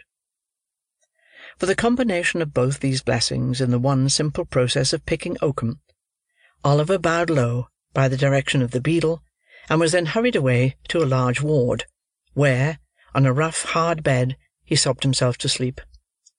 What a novel illustration of the tender laws of England! They let the paupers go to sleep. Poor Oliver! He little thought, as he lay sleeping in happy unconsciousness of all around him, that the board had that very day arrived at a decision which would exercise the most material influence over all his future fortunes. But they had; and this was it. The members of this board were very sage, deep, philosophical men; and when they came to turn their attention to the workhouse, they found out at once, what ordinary folks would never have discovered: the poor people liked it. It was a regular place of public entertainment for the poorer classes; a tavern where there was nothing to pay; a public breakfast, dinner, tea, and supper all the year round; a brick and mortar Elysium, where it was all play and no work. "Oho!" said the board, looking very knowing. "We are the fellows to set this to rights. We'll stop it all in no time." So, they established the rule that all poor people should have the alternative for they would compel nobody (not they) of being starved by a gradual process in the house, or by a quick one out of it. With this view, they contracted with the water works to lay on an unlimited supply of water; and with a corn factor to supply periodically small quantities of oatmeal; and issued three meals of thin gruel a day, with an onion, twice a week, and half a roll of Sundays. They made a great many other wise and humane regulations, having reference to the ladies, which it is not necessary to repeat; kindly undertook to divorce poor married people, in consequence of the great expense of a suit in Doctors' Commons; and instead of compelling a man to support his family, as they had theretofore done, took his family away from him, and made him a bachelor. There is no saying how many applicants for relief, under these last two heads, might have started up in all classes of society, if it had not been coupled with the workhouse; but the board were long headed men, and had provided for this difficulty. The relief was inseparable from the workhouse and the gruel, and that frightened people. For the first six months after Oliver Twist was removed, the system was in full operation. It was rather expensive at first, in consequence of the increase in the undertaker's bill, and the necessity of taking in the clothes of all the paupers which fluttered loosely on their wasted, shrunken forms after a week or two's gruel. But the number of workhouse inmates got thin as well as the paupers, and the board were in ecstasies.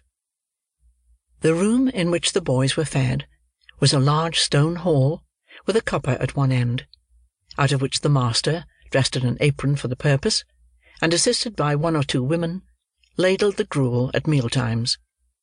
Of this festive composition, each boy had one porringer, and no more; except on occasions of great public rejoicing, when he had two ounces and a quarter of bread besides. The bowls never wanted washing. The boys polished them with their spoons till they shone again; and when they had performed this operation, which never took very long, the spoons being nearly as large as the bowls, they would sit staring at the copper, with such eager eyes, as if they could have devoured the very bricks of which it was composed; employing themselves, meanwhile, in sucking their fingers most assiduously, with the view of catching up any stray splashes of gruel that might have been cast thereon. Boys have generally excellent appetites. Oliver Twist and his companions suffered the tortures of slow starvation for three months. At last they got so voracious and wild with hunger, that one boy, who was tall for his age, and hadn't been used to that sort of thing, for his father had kept a small cook shop, hinted darkly to his companions that unless he had another basin of gruel per diem, he was afraid he might some night happen to eat the boy who slept next to him who happened to be a weakly youth of tender age. He had a wild, hungry eye, and they implicitly believed him. A council was held. Lots were cast who should walk up to the master after supper that evening, and ask for more; and it fell to Oliver Twist. The evening arrived; the boys took their places; the master, in his cook's uniform, stationed himself at the copper; his pauper assistants ranged themselves behind him. The gruel was served out, and a long grace was said over the short commons. The gruel disappeared. The boys whispered each other, and winked at Oliver, while his next neighbours nudged him. Child as he was, he was desperate with hunger, and reckless with misery. He rose from the table, and advancing to the master, basin and spoon in hand, said, somewhat alarmed at his own temerity, Please, sir, I want some more. The master was a fat, healthy man, but he turned very pale. He gazed in stupefied astonishment on the small rebel for some seconds, and then clung for support to the copper. The assistants were paralysed with wonder; the boys with fear. "What?" said the master at length, in a faint voice. Please, sir, replied Oliver, I want some more. The master aimed a blow at Oliver's head with the ladle, pinioned him in his arm, and shrieked aloud for the beadle. The board were sitting in solemn conclave, when Mr. Bumble rushed into the room in great excitement, and addressing the gentleman in the high chair, said, "Mr. Limbkins, I beg your pardon, sir. Oliver Twist has asked for more." There was a general start. Horror was depicted on every countenance. "For more?" said Mr. Limbkins. "Compose yourself, Bumble, and answer me distinctly. Do I understand that he asked for more, after he had eaten the supper allotted by the dietary?" "He did, sir," replied Bumble.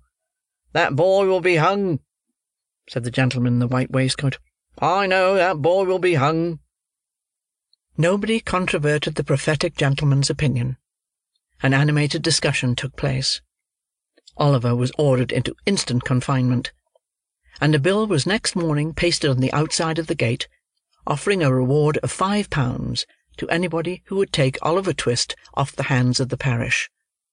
In other words, five pounds and Oliver Twist were offered to any man or woman who wanted an apprentice to any trade, business, or calling. "I never was more convinced of anything in my life," said the gentleman in the white waistcoat, as he knocked at the gate, and read the bill next morning. "I never was more convinced of anything in my life than I am that that boy will come to be hung."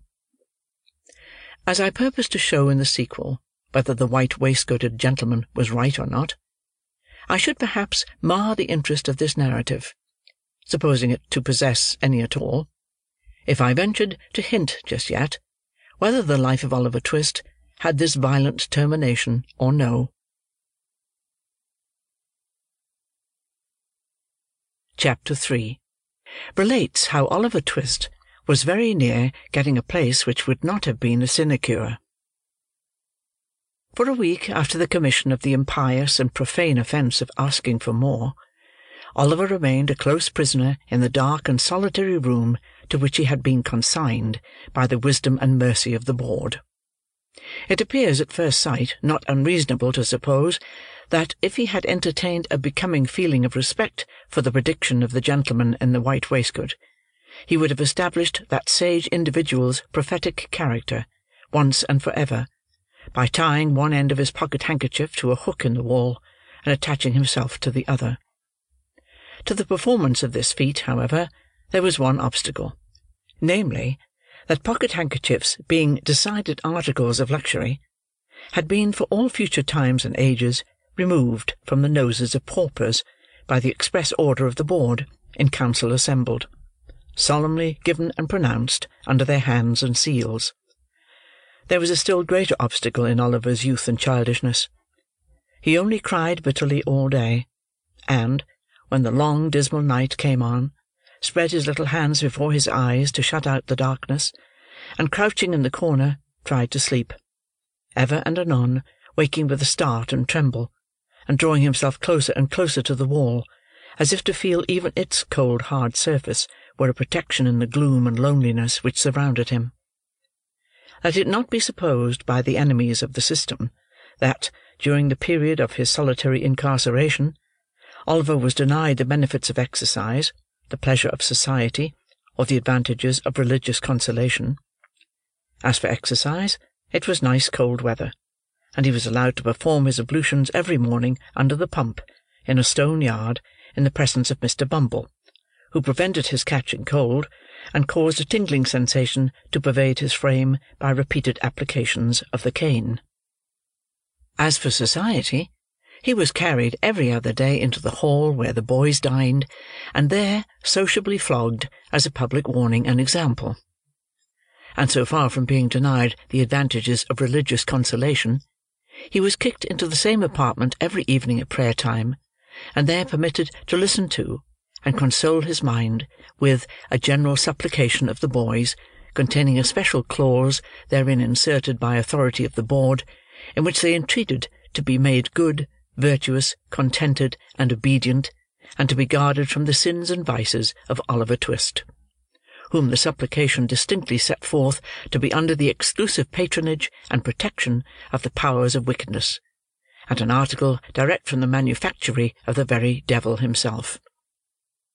It chanced one morning, while Oliver's affairs were in this auspicious and comfortable state, that Mr. Gamfield, chimney sweep, went his way down the High Street, deeply cogitating in his mind his ways and means of paying certain arrears of rent, for which his landlord had become rather pressing. Mr. Gamfield's most sanguine estimate of his finances could not raise them within full five pounds of the desired amount, and, in a species of arithmetical desperation, he was alternately cudgelling his brains and his donkey, when passing the workhouse his eyes encountered the bill on the gate. "Whoa!" said Mr. Gamfield to the donkey. The donkey was in a state of profound abstraction, wondering, probably, whether he was destined to be regaled with a cabbage stalk or two, when he had disposed of the two sacks of soot with which the little cart was laden. So, without noticing the word of command, he jogged onward. Mr. Gamfield growled a fierce imprecation on the donkey generally, but more particularly on his eyes, and, running after him, bestowed a blow on his head which would inevitably have beaten in any skull but a donkey's. Then, catching hold of the bridle, he gave his jaw a sharp wrench, by way of gentle reminder that he was not his own master, and by these means turned him round. He then gave him another blow on the head, just to stun him till he came back again. Having completed these arrangements, he walked up to the gate to read the bill. The gentleman with the white waistcoat was standing at the gate with his hands behind him, after having delivered himself of some profound sentiments in the board-room. Having witnessed the little dispute between Mr. Gamfield and the donkey, he smiled joyously when that person came up to read the bill, for he saw at once that Mr. Gamfield was exactly the sort of master Oliver Twist wanted. Mr. Gamfield smiled too, as he perused the document, for five pounds was just the sum he had been wishing for, and as to the boy with which it was encumbered, Mr. Gamfield, knowing what the dietary of the workhouse was, well knew he would be a nice small pattern, just the very thing for register stoves. So, he spelt the bill through again, from beginning to end, and then, touching his fur cap in token of humility, accosted the gentleman in the white waistcoat. "This here boy, sir, what the parish wants to prentice?" said Mr. Gamfield. "Ay, my man," said the gentleman in the white waistcoat, with a condescending smile. "What of him?" "If the parish vould like him to learn a right pleasant trade in a good, 'spectable chimbley sweeping business," said Mr. Gamfield, "I wants a prentice, and I am ready to take him." "Walk in," said the gentleman in the white waistcoat. Mr. Gamfield, having lingered behind to give the donkey another blow on the head, and another wrench of the jaw, as a caution not to run away in his absence, followed the gentleman with the white waistcoat into the room where Oliver had first seen him. "It's a nasty trade," said Mr. Limbkins, when Gamfield had again stated his wish. "Young boys have been smothered in chimneys before now," said another gentleman. That's a cause they damped the straw afore they lit it in the chimbley, to make 'em come down again," said Gamfield. "That's all smoke, and no blaze. Whereas smoke ain't of no use at all in making a boy come down, for it only sends him to sleep, and that's what he likes. Boys is wery obstinate, and wery lazy gentlemen, and there's nothink like a good hot blaze to make 'em come down with a run. It's humane, too, gentlemen, of course, even if they've stuck in the chimbly, roasting their feet makes 'em struggle to hextricate theirselves." The gentleman in the white waistcoat appeared very much amused by this explanation, but his mirth was speedily checked by a look from Mr. Limbkins. The board then proceeded to converse among themselves for a few minutes, but in so low a tone that the words "saving of expenditure," "looked well in the accounts," "have a printed report published," were alone audible. These only chanced to be heard, indeed, on account of their being very frequently repeated with great emphasis. At length the whispering ceased, and the members of the board having resumed their seats in their solemnity, Mr. Limbkins said. We have considered your proposition, and we don't approve of it. Not at all," said the gentleman in the white waistcoat. "Decidedly not," added the other members. As Mr. Gamfield did happen to labour under the slight imputation of having bruised three or four boys to death already, it occurred to him that the board had, perhaps in some unaccountable freak, taken it into their heads that this extraneous circumstance ought to influence their proceedings.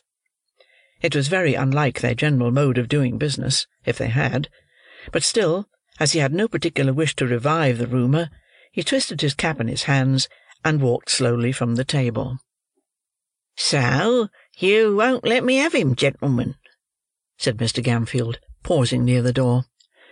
"No," replied Mr. Limbkins. "At least, as it's a nasty business, we think you ought to take something less than the premium we offered. Mr. Gamfield's countenance brightened, as, with a quick step, he returned to the table, and said, "What'll you give me, gentlemen? Come, don't be too hard on a poor man. What'll you give?" "I should say three pound ten was plenty," said Mr. Limbkins. "Ten shillings too much," said the gentleman in the white waistcoat. "Come," said Gamfield, "say Four pound, gentlemen. Say four pound, and you've got rid of him for good and all. There!" "Three pound ten," repeated Mr. Limbkins firmly. "Come, I'll split the difference, gentlemen," urged Gamfield. "Three pound fifteen." "Not a farthing more," was the firm reply of Mr. Limbkins. "You're desperate hard upon me, gentlemen," said Gamfield, wavering. "Pooh, pooh! Nonsense!" said the gentleman in the white waistcoat. "He'd be cheap with nothing at all as a premium. Take him, you silly fellow. He's just the boy for you. He wants the stick now and then; it'll do him good. And his board needn't come very expensive, for he hasn't been overfed since he was born. Ha ha ha!" Mr. Gamfield gave an arch look at the faces round the table, and, observing a smile on all of them, gradually broke into a smile himself. The bargain was made. Mr. Bumble was at once instructed that Oliver Twist and his indentures were to be conveyed before the magistrate for signature and approval that very afternoon. In pursuance of this determination, little Oliver, to his excessive astonishment, was released from bondage, and ordered to put himself into a clean shirt. He had hardly achieved this very unusual gymnastic performance when Mr. Bumble brought him, with his own hands, a basin of gruel, and the holiday allowance of two ounces and a quarter of bread. At this tremendous sight, Oliver began to cry very piteously, thinking, not unnaturally, that the board must have determined to kill him for some useful purpose, or they never would have begun to fatten him up in that way. "Don't make your eyes red, Oliver, but eat your food and be thankful," said Mr. Bumble, in a tone of impressive pomposity. You're a going to be made apprentice of, Oliver." "Apprentice, sir?" said the child, trembling. "Yes, Oliver," said Mr. Bumble. "The kind and blessed gentleman which is so many parents to you, Oliver, when you have none of your own, are a going to prentice you, and to set you up in life, and make a man of you. Although the expense to the parish is three pound ten. Three pound ten, Oliver seventy shillings, one hundred and forty sixpences, and all for a naughty orphan which nobody can't love." As Mr. Bumble paused to take breath, after delivering this address in an awful voice, the tears rolled down the poor child's face, and he sobbed bitterly. "Come," said Mr. Bumble, somewhat less pompously, for it was gratifying to his feelings to observe the effect his eloquence had produced. "Come, Oliver.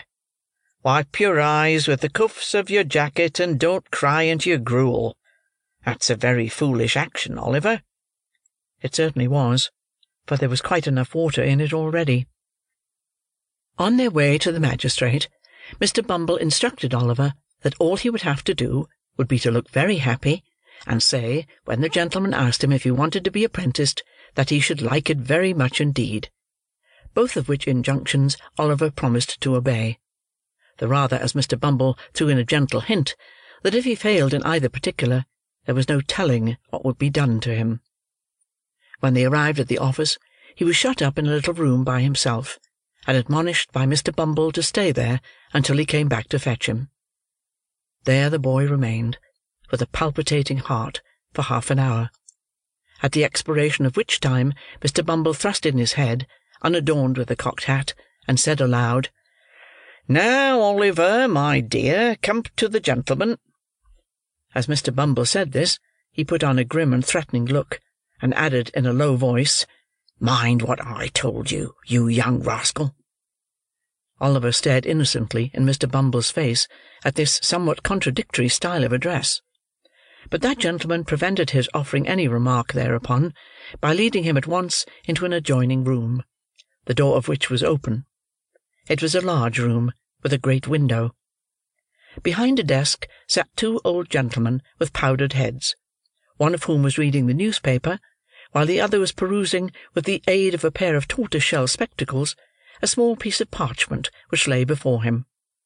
Mr. Limbkins was standing in front of the desk on one side, and Mr. Gamfield, with a partially washed face, on the other; while two or three bluff-looking men in top-boots were lounging about. The old gentleman with the spectacles gradually dozed off, over the little bit of parchment; and there was a short pause after Oliver had been stationed by Mr. Bumble in front of the desk.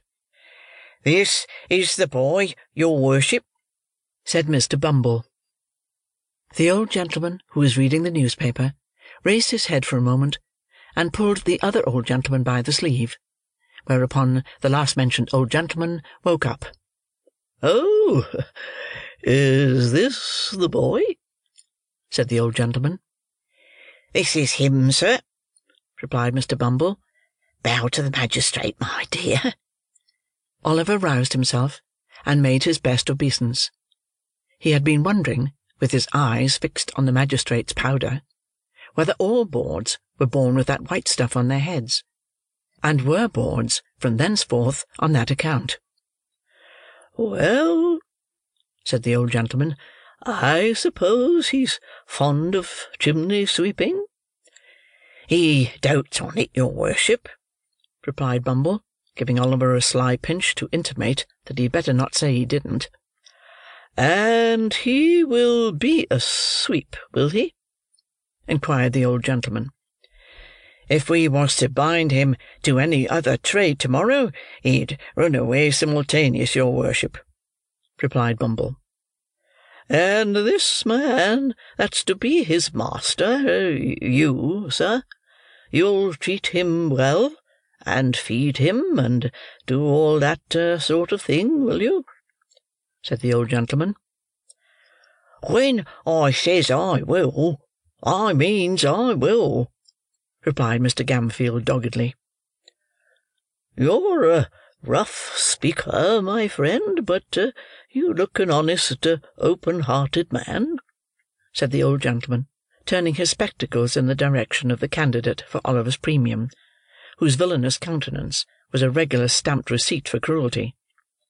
But the magistrate was half blind, and half childish, so he couldn't reasonably be expected to discern what other people did. "I hope I am, sir," said Mr. Gamfield, with an ugly leer. "I have no doubt you are, my friend," replied the old gentleman, fixing his spectacles more firmly on his nose, and looking about him for the inkstand. It was the critical moment of Oliver's fate. If the inkstand had been where the old gentleman thought it was, he would have dipped his pen into it, and signed the indentures, and Oliver would have been straightway hurried off.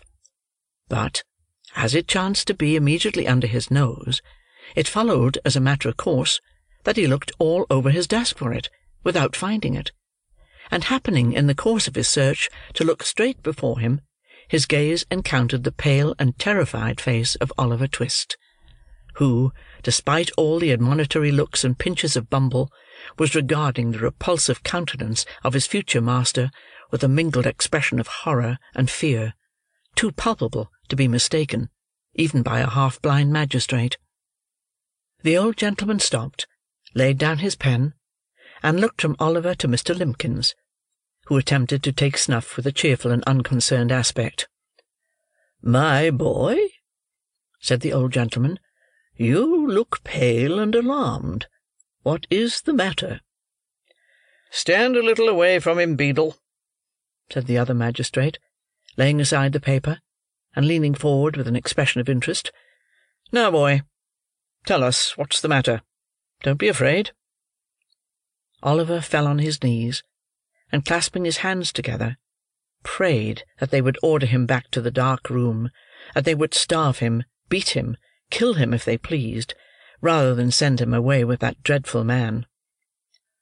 "Well," said Mr. Bumble, raising his hands and eyes with most impressive solemnity, "well, of all the artful and designing orphans that ever I see, Oliver, you are one of the most barefacedest." "Hold your tongue, Beadle," said the second old gentleman, when Mr. Bumble had given vent to this compound adjective.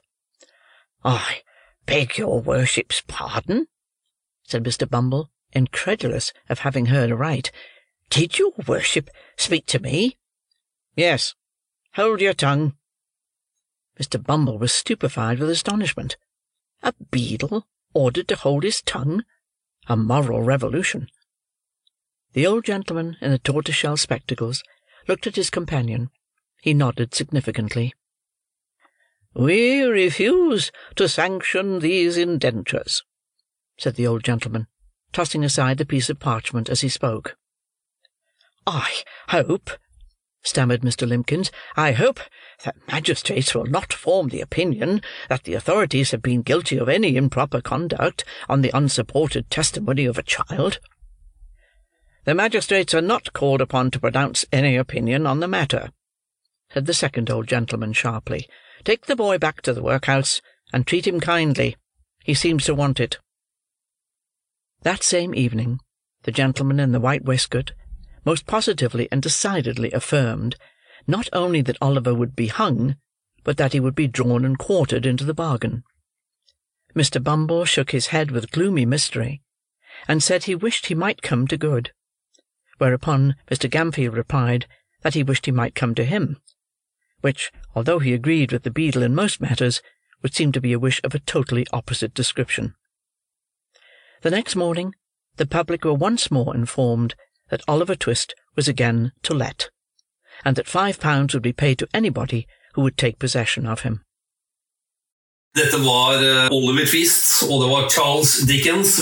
Men jeg vet nå, fordi du er så opphengt i Nelly Bly, Og du liksom vil bore litt lenger ned fra den vi da hadde for eh, noen uker siden i en podkast. Ja, eh, vi hadde en på ca. to timer. Men yes. vi er ikke ferdig. Vi skal Nei. over Atlanterhavet og på et punkt verden rundt. Ja. Eh, vi skal til en kvinne som het Elizabeth Jane Seaman. Som ble veldig kjent for å ha reist rundt i verden på 72 dager. En verdensrekord for øvrig. Eh, Ble født i et lite område som i dag ligger i Pittsburgh, som heter Cochrane Mills. Eh, Vokste opp i veldig fattige kår, greide å jobbe seg oppover. Eh, Flytta til Pittsburgh etter faren døde. Eh, Fikk seg jobb der, i Pittsburgh Dispatch, eh, som den da het, den avisa der. Kom seg etter hvert til New York, fikk seg jobb i The New York World. Skrev en hel haug artikler for dem. Vi skal til bøker basert på de reportasjene. Vi skal først ned fra United States til Mexico. Alright. Hvor hun da tilbringer et halvt år og skriver om det i boka si som heter Six Months in Mexico. Skal vi kjøre på? Vi kjører på. Six Months in Mexico by Nellie Bly. Chapter 1 Adieu to the United States. One wintry night, I bade my few journalistic friends adieu, and accompanied by my mother, started on my way to Mexico. Only a few months previous, I had become a newspaper woman. I was too impatient to work along at the usual duties assigned women on newspapers, so I conceived the idea of going away as a correspondent. Three days after leaving Pittsburgh, we awoke one morning to find ourselves in the lap of summer. For a moment it seemed a dream. When the porter had made up our bunks the evening previous, the surrounding country had been covered with a snowy blanket. When we awoke, the trees were in leaf, and the balmy breeze mocked our wraps. Three days, from dawn until dark, we sat at the end of the car inhaling the perfume of the flowers and enjoying the glorious western sights so rich in originality. For the first time I saw women plowing, while their lords and masters sat on a fence smoking. I never longed for anything so much as I did to shove those lazy fellows off. After we got further south they had no fences. I was glad of it because they do not look well ornamented with lazy men. The land was so beautiful. We gazed in wonder on the cotton fields, which looked, when moved by the breezes, like huge foaming breakers in their mad rush for the shore. And the cowboys! I shall never forget the first real live cowboy I saw on the plains. The train was moving at a putting in time pace as we came up to two horsemen. They wore immense sombreros, huge spurs, and had lassos hanging to the side of their saddles. I knew they were cowboys, so jerking off a red scarf, I waved it to them. I was not quite sure how they would respond. From the thrilling and wicked stories I had read, I fancied they might begin shooting at me as quickly as anything else. However, I was surprised and delighted to see them lift their sombreros in a manner not excelled by a New York exquisite and urged their horses into a mad run after us. Such a ride! The feet of the horses never seemed to touch the ground. By this time nearly all the passengers were watching the race between horse and steam. At last we gradually left them behind. I waved my scarf sadly in farewell, and they responded with their sombreros. I never felt as much reluctance for leaving a man behind as I did to leave those cowboys. The people at the different stopping places looked at us with as much enjoyment as we gazed on them. They were not in the least backward about asking questions or making remarks. One woman came up to me with a smile and said, Good morning, missus, and why are you sitting out there when there is such a nice cabin to be in? She could not understand how I could prefer seeing the country to sitting in a Pullman. I'd imagined that the West was a land of beef and cream. I soon learned my mistake, much to my dismay. It was almost an impossibility to get aught else than salt meat, and cream was like the stars, out of reach. It was with regret we learned, just before retiring on the evening of our third day out from St. Louis, that morning would find us in El Paso. I cannot say what hour it was when the porter called us to dress that the train would soon reach its destination. How I did wish I had remained at home as I rubbed my eyes and tried to dress on my knees in the berth. It's so dark, said my mother as she parted the curtains. What shall we do when we arrive? Well, I'm glad it's dark, because I won't have to button my boots or comb my hair, I replied, laughing to cheer her up. I did not feel as cheerful as I talked when we left the train. It had been our home for three days and now we were cast forth in a strange city in the dark. The train employees were running about with their lanterns on their arms, but no one paid any attention to the drowsy passengers. There were no cabs or cabmen, or even wheelbarrows around. and the darkness prevented us from getting a view of our surroundings. This has taught me a lesson. I shall fall into the arms of the first man who mentions Mary to me, I said to my mother as we wended our way through freight and baggage to the waiting room. Then I will have someone to look after me. She looked at me with a little doubting smile and gave my arm a reassuring pressure. I shall never forget the sight of that waiting room men, women, and children, dogs and baggage in one promiscuous mass. The dim light of an oil lamp fell with dreary effect on the scene. Some were sleeping, lost for a while to all the cares of life. Some were eating. Some were smoking, and a group of men were passing around a bottle occasionally as they dealt out a greasy pack of cards. It was evident that we could not wait the glimpse of dawn mid these surroundings. With my mother's arm still tightly clasped in mine, we again sought the outer darkness. I saw a man with a lantern on his arm and went to him and asked directions to a hotel. He replied that they were all closed at this hour, but if I could be satisfied with a second class house he would conduct us to where he lived. We were only too glad for any shelter, so without one thought of where he might take us, we followed the light of his lantern as he went ahead. It was only a short walk through the sandy streets to the place. There was one room unoccupied, and we gladly paid for it, and by the aid of a tallow candle found our way to bed. End of chapter 1 Chapter 2 El Paso del Norte My dear child, do you feel rested enough? I heard my mother ask. Are you up already? I asked, turning on my side to see her as she sat dressed by the open window, through which came a lazy southern breeze. This hour, she replied, smiling at me. You slept so well I did not want to rouse you. But the morning is perfect, and I want you to share its beauties with me. The remembrance of our midnight arrival faded like a bad nightmare, and I was soon happy that I was there. Only at mealtime did I long for home. We learned that the first train we could get for Mexico would be about six o'clock in the afternoon, so we decided to do the town in the meanwhile. El Paso, which is Spanish for the pass, is rather a lively town. It has been foretold that it will be a second Denver, so rapid is its growth. A number of different railway lines center here, and the hotels are filled the year round with health and pleasure seekers of all descriptions. While it is always warm, yet its climate is so perfect that it benefits almost any sufferer. The hotels are quite modern, both in finish and price, and the hack drivers on a par with those in the East. The prices for everything are something dreadful to contemplate. The houses are mostly modern, with here and there the adobe huts which once marked this border. The courthouse and jail combined is a fine brick structure that any large city might boast of. Several very pretty little gardens brighten up the town with their green, velvety grasses and tropical plants and trees. The only objection I found to El Paso was its utter lack of grass. The people of position are mainly those who are there for their health, or to enjoy the winter in the balmy climate, or the families of men who own ranches in Texas. The chief pleasure is driving and riding, and the display during the driving hour would put to shame many eastern cities.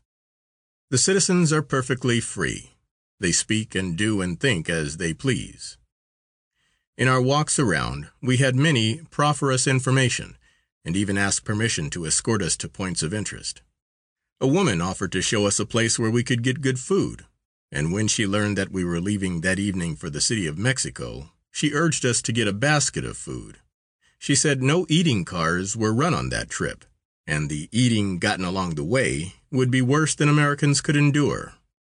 We afterward felt thankful that we followed her advice. El Paso, the American town, and El Paso del Norte, the pass to the north, the Mexican town, are separated as New York from Brooklyn, as Pittsburgh from Allegheny.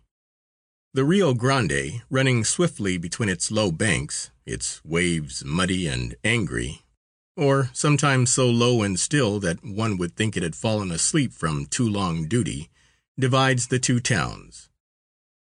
Communication is open between them by a ferry boat which will carry you across for two and one half cents, by hack, buggies, and saddle horses, by the Mexican Central Railway, which transports its passengers from one town to the other, and a streetcar line, the only international streetcar line in the world, for which it has to thank Texas capitalists. It is not possible to find a greater contrast than these two cities form side by side. El Paso is a progressive, lively American town. El Paso del Norte is as far back in the Middle Ages and as slow as it was when the first adobe hut was executed in 1680. It is rich with grass and shade trees, while El Paso is as spare of grass as a 20 year old youth is of beard. On that side they raise the finest grapes and sell the most exquisite wine that ever passed mortal's lips. On this side they raise vegetables and smuggle the wine over. The tobacco is pronounced unequaled, and the American pockets will carry a good deal every trip. But the Mexican is just as smart in paying visits and carrying back what can be only gotten at double the price on his side. But the Mexican custom house officials are the least exacting in the world and contrast as markedly with the United States officials as the two towns do one to the other. One of the special attractions of El Paso del Norte barring the tobacco and wine, is a queer old stone church which is said to be nearly 300 years old. It is low and dark and filled with peculiar paintings and funnily dressed images. The old town seems to look with proud contempt on civilization and progress, and the little padre preaches against free schools and tells his poor, ignorant followers to beware of the hurry and worry of the Americans, to live as their grand and great grandfathers did.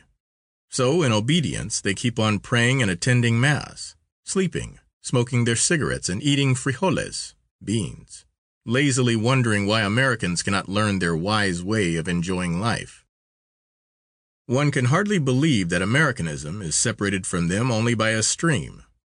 If they were thousands of miles apart, they could not be more unlike. There, smallpox holds undisputed sway in the dirty streets, and in the name of religion, vaccination is denounced. There, Mexican convict soldiers are flogged until the American's heart burns to wipe out the whole colony. There, fiestas and Sundays are celebrated by the most inhuman cockfights and bullfights and monte games of all descriptions. The bullfights celebrated on the border are the most inhuman I have seen in all of Mexico.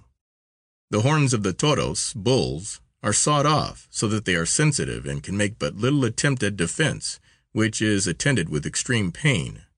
They are tortured until, sinking from pain and fatigue, they are dispatched by the butcher. El Paso del Norte boasts of a real Mexican prison. It is a long, one storied adobe building situated quite handy to the main plaza, and within hearing of the merrymaking of the town. There are no cells, but a few adobe rooms and a long court where the prisoners talk together and with the guards, and count the time as it laggingly slips away. They very often play cards and smoke cigarettes. Around this prison is a line of soldiers. It is utterly impossible to cross it without detection. Mexican keepers are not at all particular that the prisoners are fed every day. An American, at the hands of the Mexican authorities, suffers all the tortures that some preachers delight to tell us some human beings will find in the world to come. Fire and brimstone. It is nothing to the torments of an American prisoner in a Mexican jail. Two meals, not enough to sustain life in a sick cat, must suffice him for an entire week. There are no beds, and not even water. Prisoners also have the not very comfortable knowledge that if they get too troublesome, the keepers have a nasty habit of making them stand up and be shot in the back. The reports made out in these cases are shot while trying to escape. In the afternoon I exchanged my money for Mexican coin, getting a premium of 12 cents on every dollar. I had a lunch prepared, and as the shades of night began to envelop the town, we boarded the train for Mexico. After we crossed the Rio Grande, our baggage was examined by the custom house officers while we ate supper at a restaurant, which, strangely enough, was run by Chinamen. This gave us a foretaste of Mexican food and price. It was totally dark when we entered the car again, and we were quite ready to retire. There were but two other passengers in the car with us. One was a Mexican and the other a young man from Chicago. We soon bade them good night and retired to our berths to sleep while the train bore us swiftly through the darkness to our destination. End of chapter 2 Chapter 3 Along the Route Thirty minutes to dress for breakfast was our good morning in Mexico. We had fallen asleep the night previous as easily as a babe in its crib, with an eager anticipation of the morrow. Almost before the Pullman porter had ceased his calling, our window shades were hoisted, and we were trying to see all of Mexico at one glance. That glance brought disappointment. The land, almost as far as the eye could carry, which is a wonderful distance in the clear atmosphere of Mexico, was perfectly level. Barring the cacti with which the country abounds, the ground was bare. "And this is sunny Mexico, the land of the gods?" I exclaimed in disgust. By the time we had completed our toilet the train stopped, and we were told to get off if we wanted any breakfast. We followed our porter to a sidetrack where, in an old freight car, was breakfast. We climbed up the high steps, paying our dollar as we entered, and found for ourselves places at the long table. It was surrounded by hungry people, intent only on helping themselves. Everything was on the table, even to the coffee. I made an effort to eat. It was impossible. My mother succeeded no better. "Are you not glad we brought a lunch?" she asked, as her eyes met mine.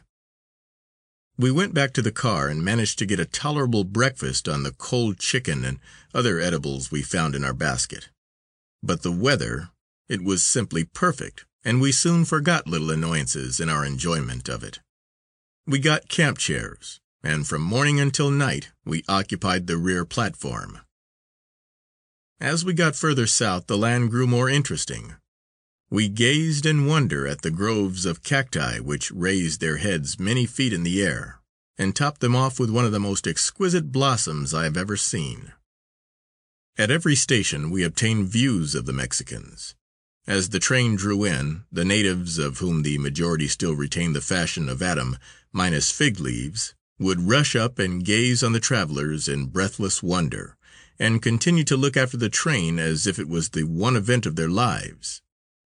As we came to larger towns we could see armed horsemen riding at a 209 speed, leaving a cloud of dust in their wake to the stations. When the train stopped they formed in a decorous line before it, and so remained until the train started again on its journey. I learned that they were a government guard. They do this so if there is any trouble on the train or any raised at the station during their stop, they could quell it. Hucksters and beggars constitute most of the crowd that welcomes the train. From the former we bought flowers, native fruit, eggs, goat milk, and strange Mexican food. The pear cacti, which is nursed in greenhouses in the States, grows wild on the plains, to a height of twenty feet, and its great green lobes or leaves, covered thickly with thorns, are frequently three feet in diameter. Some kinds bear a blood red fruit, and others yellow. When gathered they are in a thorny shell. The Mexican Indians gather them and peel them and sell them to travelers for six cents a dozen. It is called tuna and is considered very healthy. It has a very cool and pleasing taste.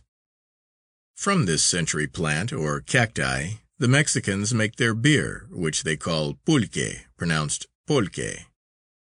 It is also used by the natives to fence in their mud houses, and forms a most picturesque and impassable surrounding.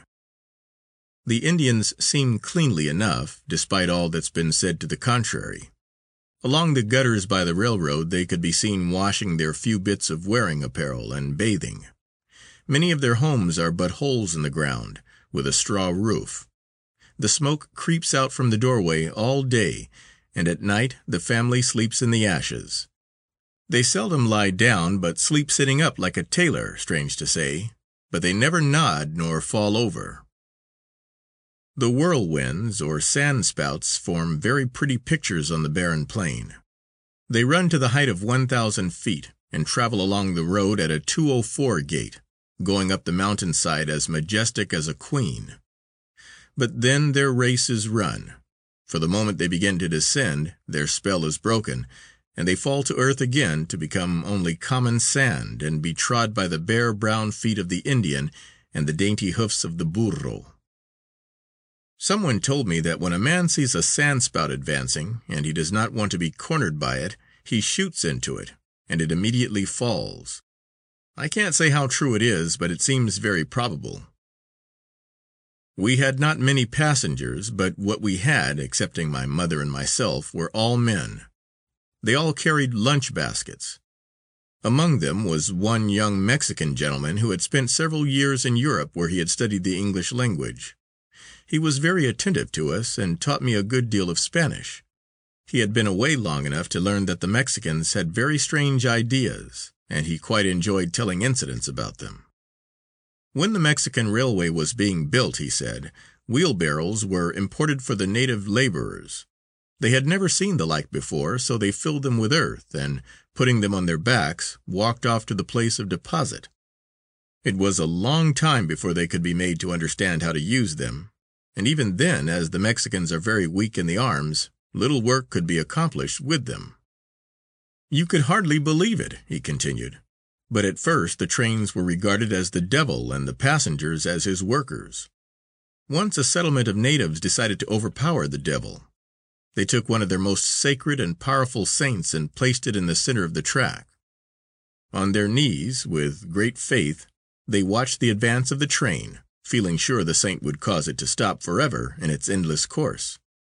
The engineer, who had not much reverence for that particular saint or saints in general, struck it with full force. That saint's reign was ended. Since then they are allowed to remain in their accustomed nooks in the churches, while the natives still have the same faith in their powers, but are not anxious to test them. Come, I want you to see the strangest mountain in the world interrupted the conductor at this moment. We followed him to the rear platform, and there looked curiously at the mountain he pointed out. It rose clear and alone from the barren plains, like a nose on one's face. It seemed to be of brown earth, but it contained not the least sign of vegetation. It looked as high as the Brooklyn Bridge from the water to top, and was about the same length in an oblong shape. It was perfectly straight across the top. When this railroad was being built, he explained, I went with a party of engineers in search of something new. Through curiosity alone, to get a good view of the land, we decided to climb that strange looking mountain. From here you can not see the vegetation, but it is covered with a low brown shrub. Can you imagine our surprise when we got to the top to find it was a mammoth basin? Yes, that hill holds in it the most beautiful lake I ever saw. That seems most wonderful, I exclaimed, rather dubiously. It is not more wonderful than thousands of other places in Mexico, he replied. In the state of Chihuahua is a laguna, in which the water is as clear as crystal. Footnote. Pronounced Chihuahua. End of footnote. When the Americans who were superintending the work on the railway found it, they decided to have a nice bath. It had been many days since they had seen any more water than would quench their thirst, in coffee, of course.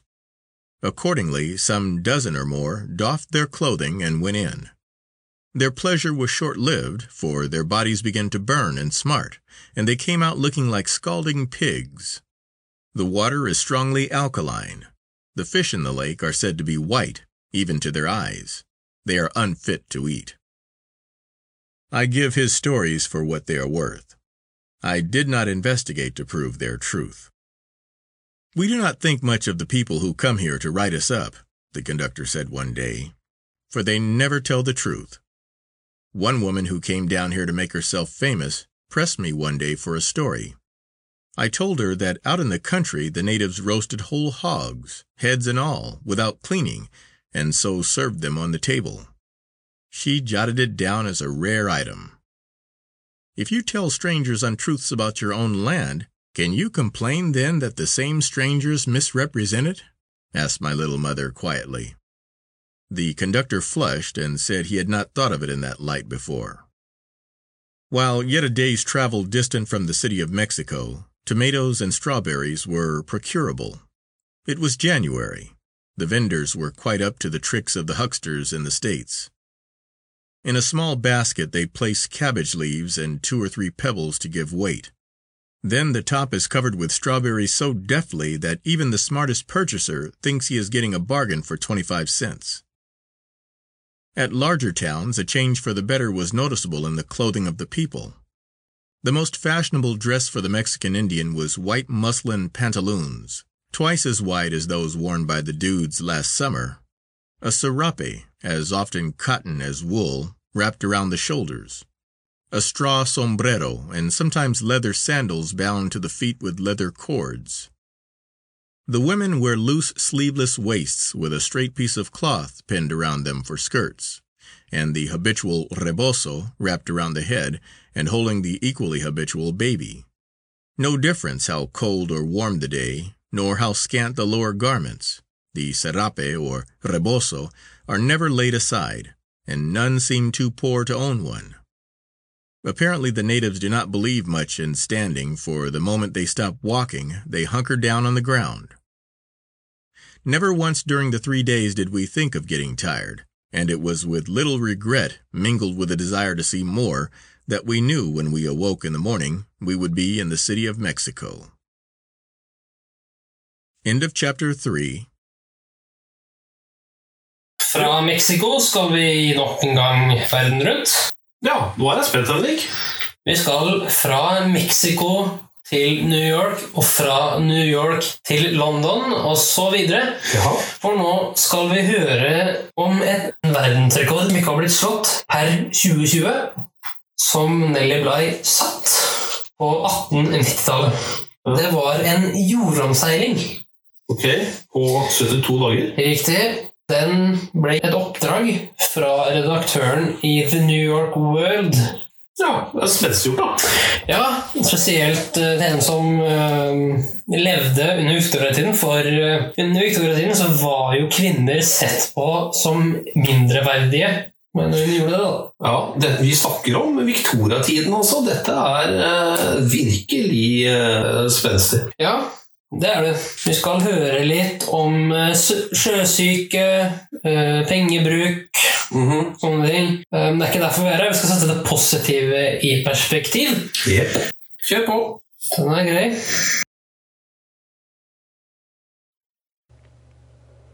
Nellie Bly's book, Around the World in 72 Days.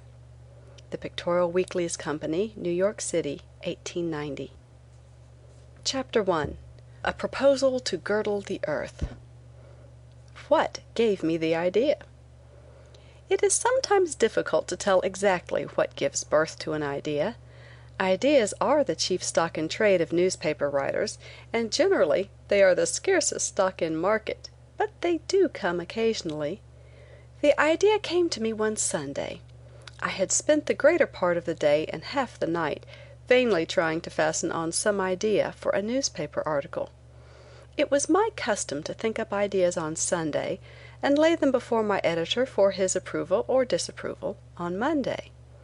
But ideas did not come that day, and three o'clock in the morning found me weary and with an aching head, tossing about in my bed.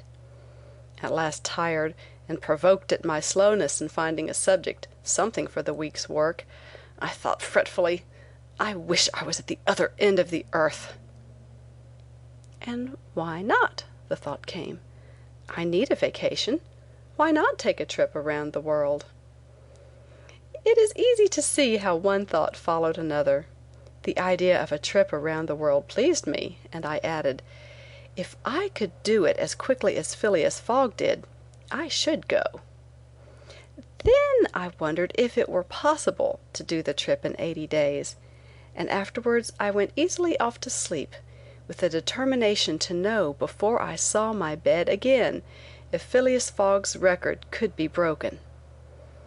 I went to a steamship company's office that day and made a selection of timetables. Anxiously I sat down and went over them.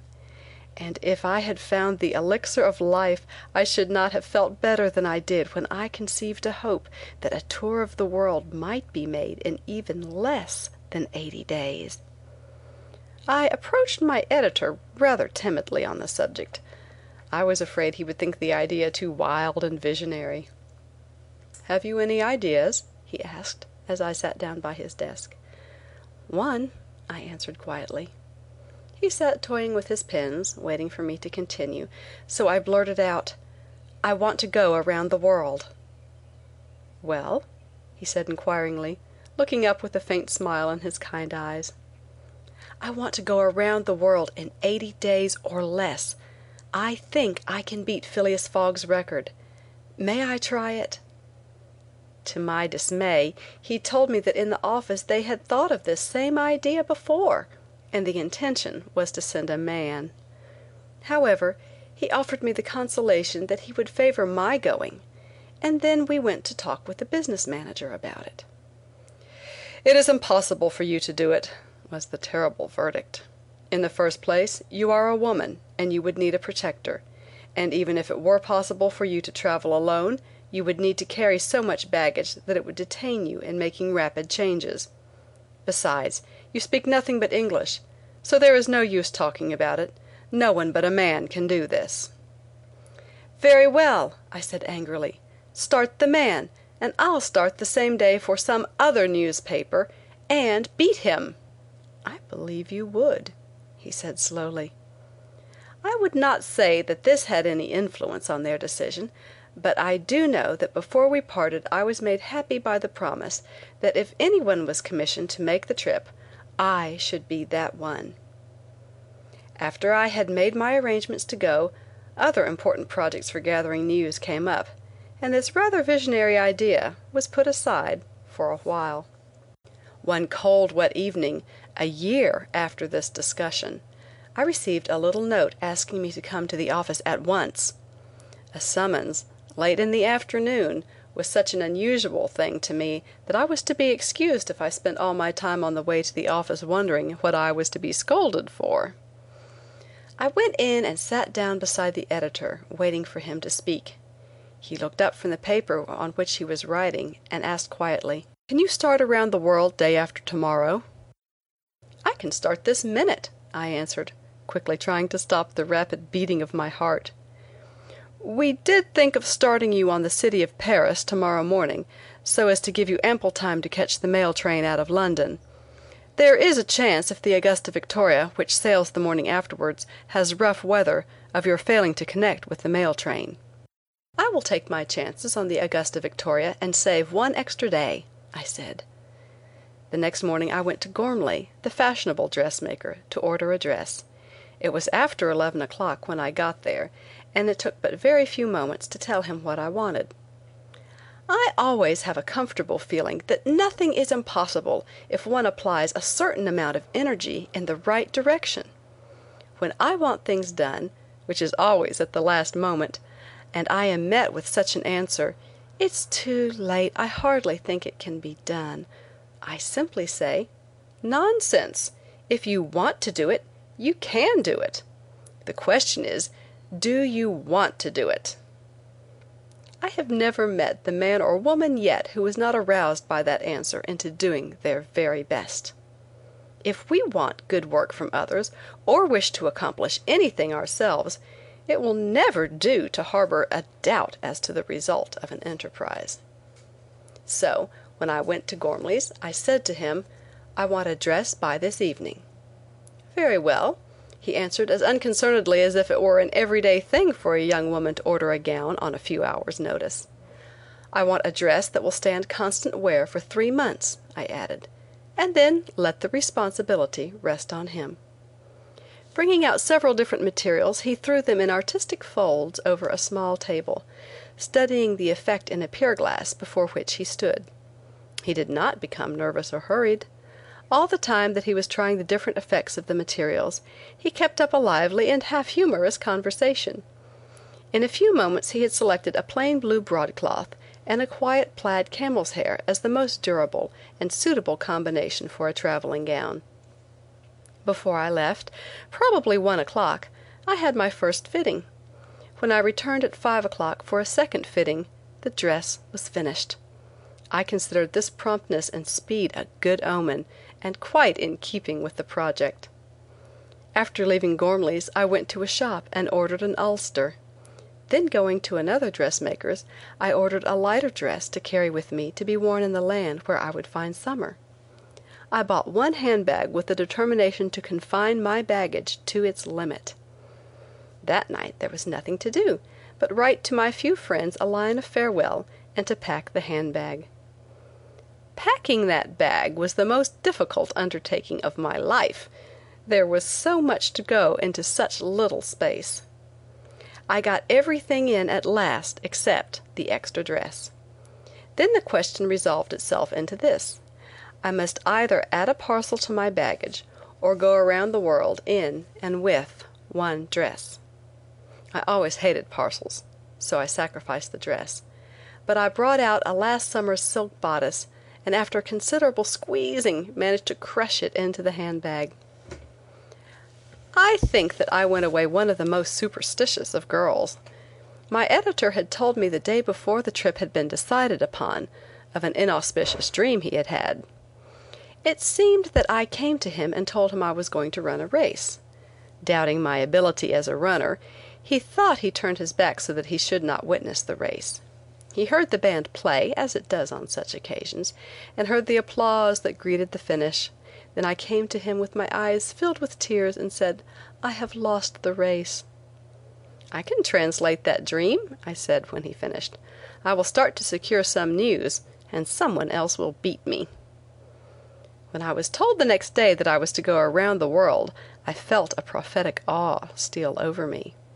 I feared that time would win the race and that I should not make the tour in eighty days or less. Nor was my health good when I was told to go around the world in the shortest time possible at that season of the year. For almost a year I had been a daily sufferer from headache, and only the week previous I had consulted a number of eminent physicians, fearing that my health was becoming impaired by too constant application to work.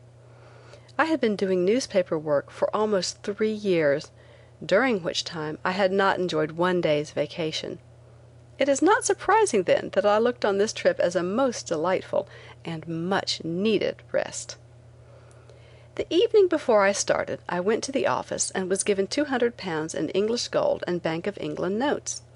The gold I carried in my pocket. The Bank of England notes were placed in a chamois skin bag which I tied around my neck. Besides this I took some American gold and paper money to use at different ports, as a test to see if American money was known outside of America. Down in the bottom of my hand bag was a special passport, number 247, signed by James G. Blaine, Secretary of State. Someone suggested that a revolver would be a good companion piece for the passport, but I had such a strong belief in the world's greeting me as I greeted it, that I refused to arm myself.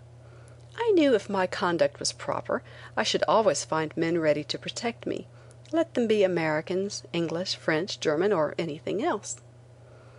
It is quite possible to buy tickets in New York for the entire trip, but I thought that I might be compelled to change my route at almost any point, so the only transportation I had provided on leaving New York was my ticket to London. When I went to the office to say good bye, I found that no itinerary had been made of my contemplated trip, and there was some doubt as to whether the mail train which I expected to take to Brindisi left London every Friday night. Nor did we know whether the week of my expected arrival in London was the one in which it connected with the ship for India or the ship for China. In fact, when I arrived at Brindisi and found the ship was bound for Australia, I was the most surprised girl in the world. I followed a man who had been sent to the steamship company's office to try to make out a schedule, and help them arrange one as best they could on this side of the water. How near it came to being correct can be seen later on. I have been asked very often since my return how many changes of clothing I took in my solitary hand bag. Some have thought I took but one, others think I carried silk which occupies but little space and others have asked if I did not buy what I needed at the different ports. One never knows the capacity of an ordinary hand satchel until dire necessity compels the exercise of all one's ingenuity to reduce everything to the smallest possible compass.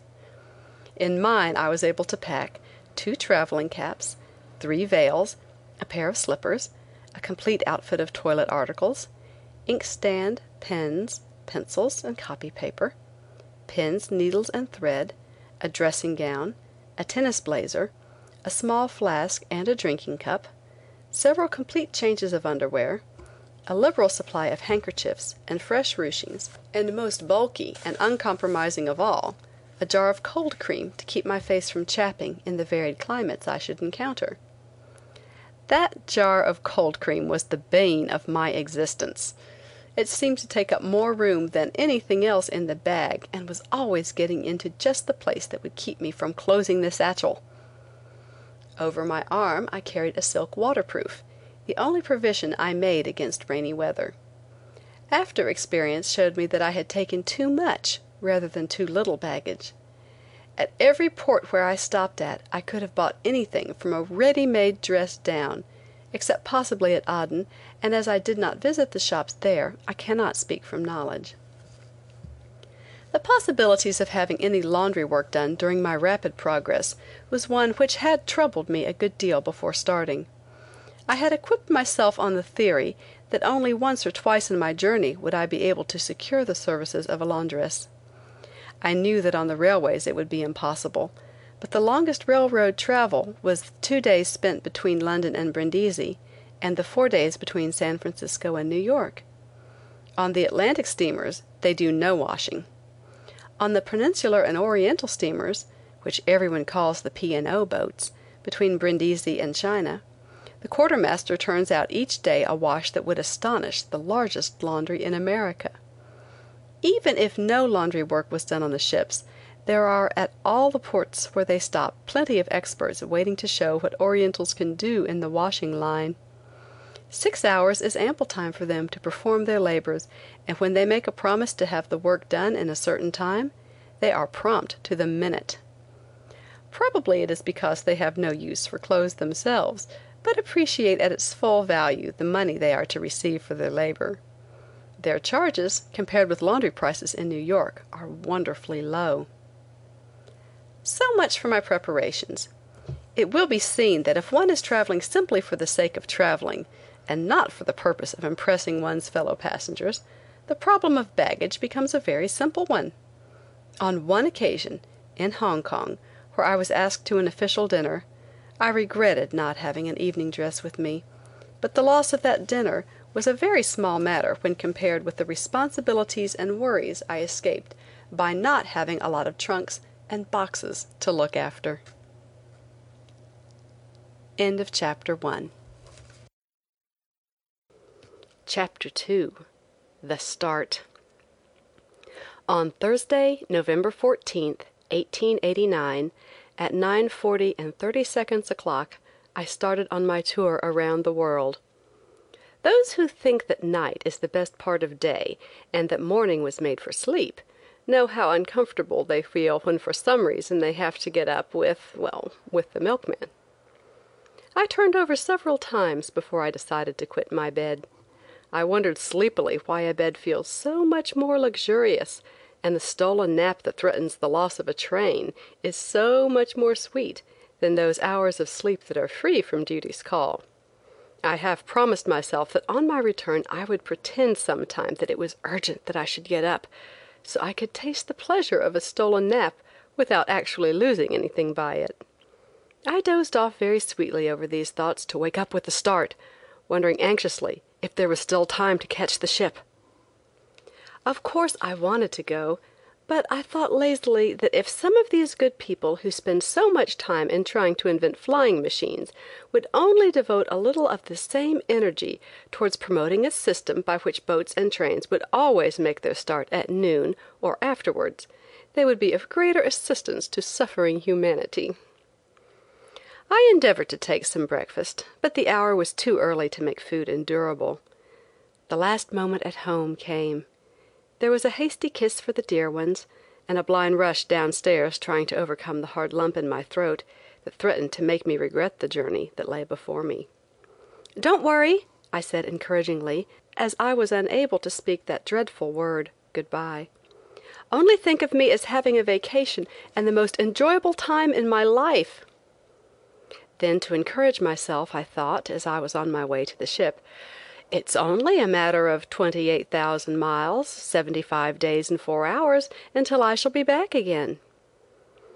A few friends who told of my hurried departure were there to say good bye. The morning was bright and beautiful, and everything seemed pleasant while the boat was still, but when they were warned to go ashore, I began to realize what it meant for me. "Keep up your courage," they said to me while they gave my hand the farewell clasp. I saw the moisture in their eyes, and I tried to smile so that their last recollection of me would be one that would cheer them. But when the whistle blew and they were on the pier and I was on the Augusta Victoria, which was slowly but surely moving away from all I knew, taking me to strange lands and strange people, I felt lost. My head felt dizzy, and my heart felt as if it would burst. Only seventy five days! Yes, but it seemed an age, and the world lost its roundness and seemed a long distance with no end and well, I never turned back. I looked as long as I could at the people on the pier. I did not feel as happy as I have at other times in life. I had a sentimental longing to take farewell of everything. I am off, I thought sadly, and shall I ever get back? Intense heat Bitter cold, terrible storms, shipwrecks, fevers, all such agreeable topics had been drummed into me until I felt much as I imagine one would feel if shut in a cave of midnight darkness and told that all sorts of horrors were waiting to gobble one up. The morning was beautiful and the bay never looked lovelier. The ship glided out smoothly and quietly, and the people on deck looked for their chairs and rugs and got into comfortable positions as if determined to enjoy themselves while they could, for they did not know what moment someone would be enjoying themselves at their expense. When the pilot went off everybody rushed to the side of the ship to see him go down the little rope ladder. I watched him closely, but he climbed down and into the rowboat that was waiting to carry him to the pilot boat, without giving one glance back to us. It was an old story to him, but I could not help wondering if the ship should go down whether there would not be some word or glance which he would have wished he had given. "You have now started on your trip," someone said to me. "As soon as the pilot goes off and the captain assumes command, then and only then our voyage begins, so now you are really started on your tour around the world." Something in his words turned my thoughts to that demon of the sea, seasickness. Never having taken a sea voyage before, I could expect nothing else than a lively tussle with the disease of the wave. "Do you get seasick?" I was asked in an interested, friendly way. That was enough. I flew to the railing. Sick?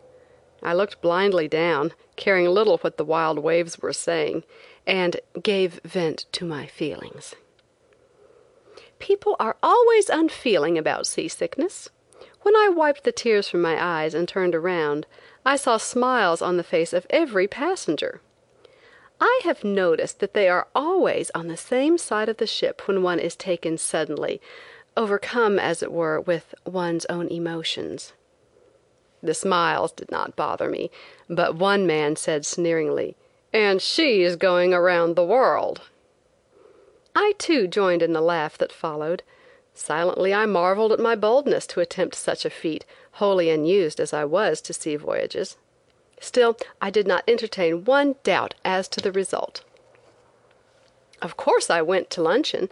Everybody did, and almost everybody left very hurriedly. I joined them, or I don't know, probably I made the start. Anyway, I never saw as many in the dining room at any one time during the rest of the voyage. When dinner was served, I went in very bravely and took my place on the captain's left. I had a very strong determination to resist my impulses, but yet in the bottom of my heart was a little faint feeling that I had found something even stronger than my will power. Dinner began very pleasantly. The waiters moved about noiselessly, the band played an overture, Captain Albers, handsome and genial, took his place at the head, and the passengers who were seated at his table began dinner with a relish equaled only by enthusiastic wheelmen when roads are fine. I was the only one at the captain's table who might be called an amateur sailor. I was bitterly conscious of the fact. So were the others. I might as well confess it. While soup was being served I was lost in painful thoughts and filled with a sickening fear. I felt that everything was just as pleasant as an unexpected gift on Christmas, and I endeavored to listen to the enthusiastic remarks about the music made by my companions, but my thoughts were on a topic that would not bear discussion. I felt cold, I felt warm, I felt that I should not get hungry if I did not see food for seven days. In fact, I had a great longing desire not to see it, nor to smell it, nor to eat of it until I could reach land, or a better understanding with myself. Fish was served, and Captain Albers was in the midst of a good story when I felt I had more than I could endure. "Excuse me," I whispered faintly, and then rushed madly, blindly out. I was assisted to a secluded spot, where a little reflection and a little unbridling of pent up emotion restored me to such a courageous state that I determined to take the captain's advice and return to my unfinished dinner. "The only way to conquer seasickness is by forcing oneself to eat," the captain said, and I thought the remedy harmless enough to test. They congratulated me on my return. I had a shamed feeling that I was going to misbehave again but I tried to hide the fact from them. It came soon, and I disappeared at the same rate of speed as before. Once again I returned. This time my nerves felt a little unsteady, and my belief in my determination was weakening. Hardly had I seated myself when I caught an amused gleam of a steward's eye, which made me bury my face in my handkerchief and choke before I reached the limits of the dining hall. The bravos with which they kindly greeted my third return to the table almost threatened to make me lose my bearings again. I was glad to know that dinner was just finished, and I had the boldness to say that it was very good. I went to bed shortly afterwards. No one had made any friends yet, so I concluded sleep would be more enjoyable than sitting in the music hall looking at other passengers engaged in the same first day at sea occupation. I went to bed shortly after seven o'clock. I had a dim recollection afterwards of waking up enough to drink some tea, but beyond this and the remembrance of some dreadful dreams, I knew nothing until I heard an honest, jolly voice at the door calling to me. Opening my eyes I found the stewardess and a lady passenger in my cabin, and saw the captain standing at the door. "We were afraid that you were dead," the captain said when he saw that I was awake. "I always sleep late in the morning," I said apologetically. "In the morning!" The captain exclaimed with a laugh, which was echoed by the others. "It is half past four in the evening." "But never mind," he added consolingly, "as long as you slept well it will do you good. Now get up and see if you can't eat a big dinner." I did. I went through every course at dinner without flinching, and stranger still, I slept that night as well as people are commonly supposed to sleep after long exercise in the open air. The weather was very bad and the sea was rough, but I enjoyed it. My seasickness had disappeared, but I had a morbid, haunting idea that although it was gone it would come again. Still I managed to make myself comfortable. Almost all of the passengers avoided the dining room, took their meals on the deck, and maintained reclining positions with a persistency that grew monotonous. One bright, clever, American born girl was traveling alone to Germany, to her parents. She entered heartily into anything that was conducive to pleasure. She was a girl who talked a great deal and she always said something. I have rarely, if ever, met her equal. In German as well as English she could ably discuss anything from fashions to politics. Her father and her uncle are men well known in public affairs, and by this girl's conversation it was easy to see why she was a father's favorite child. She was so broad and brilliant and womanly. There was not one man on board who knew more about politics, art, literature or music than this girl with the Marguerite hair, and yet there was not one of us more ready and willing to take a race on the deck than was she. I think it is only natural for travelers to take an innocent pleasure in studying the peculiarities of their fellow companions. We were not out many days until everybody that was able to be about had added a little to their knowledge of those that were not. I will not say that the knowledge acquired in this way is of any benefit, nor would I try to say that those passengers who mingled together did not find one another as interesting and as fit subjects for comment. Nevertheless, it was harmless and it afforded us some amusement. I remember when I was told that we had among the passengers one man who counted his pulse after every meal, and they were hearty meals too, for he was free from the disease of the wave, that I waited quite eagerly to have him pointed out, so that I might watch him. If it had been my pulse instead of his own that he had watched so carefully, I could not have been more interested thereafter.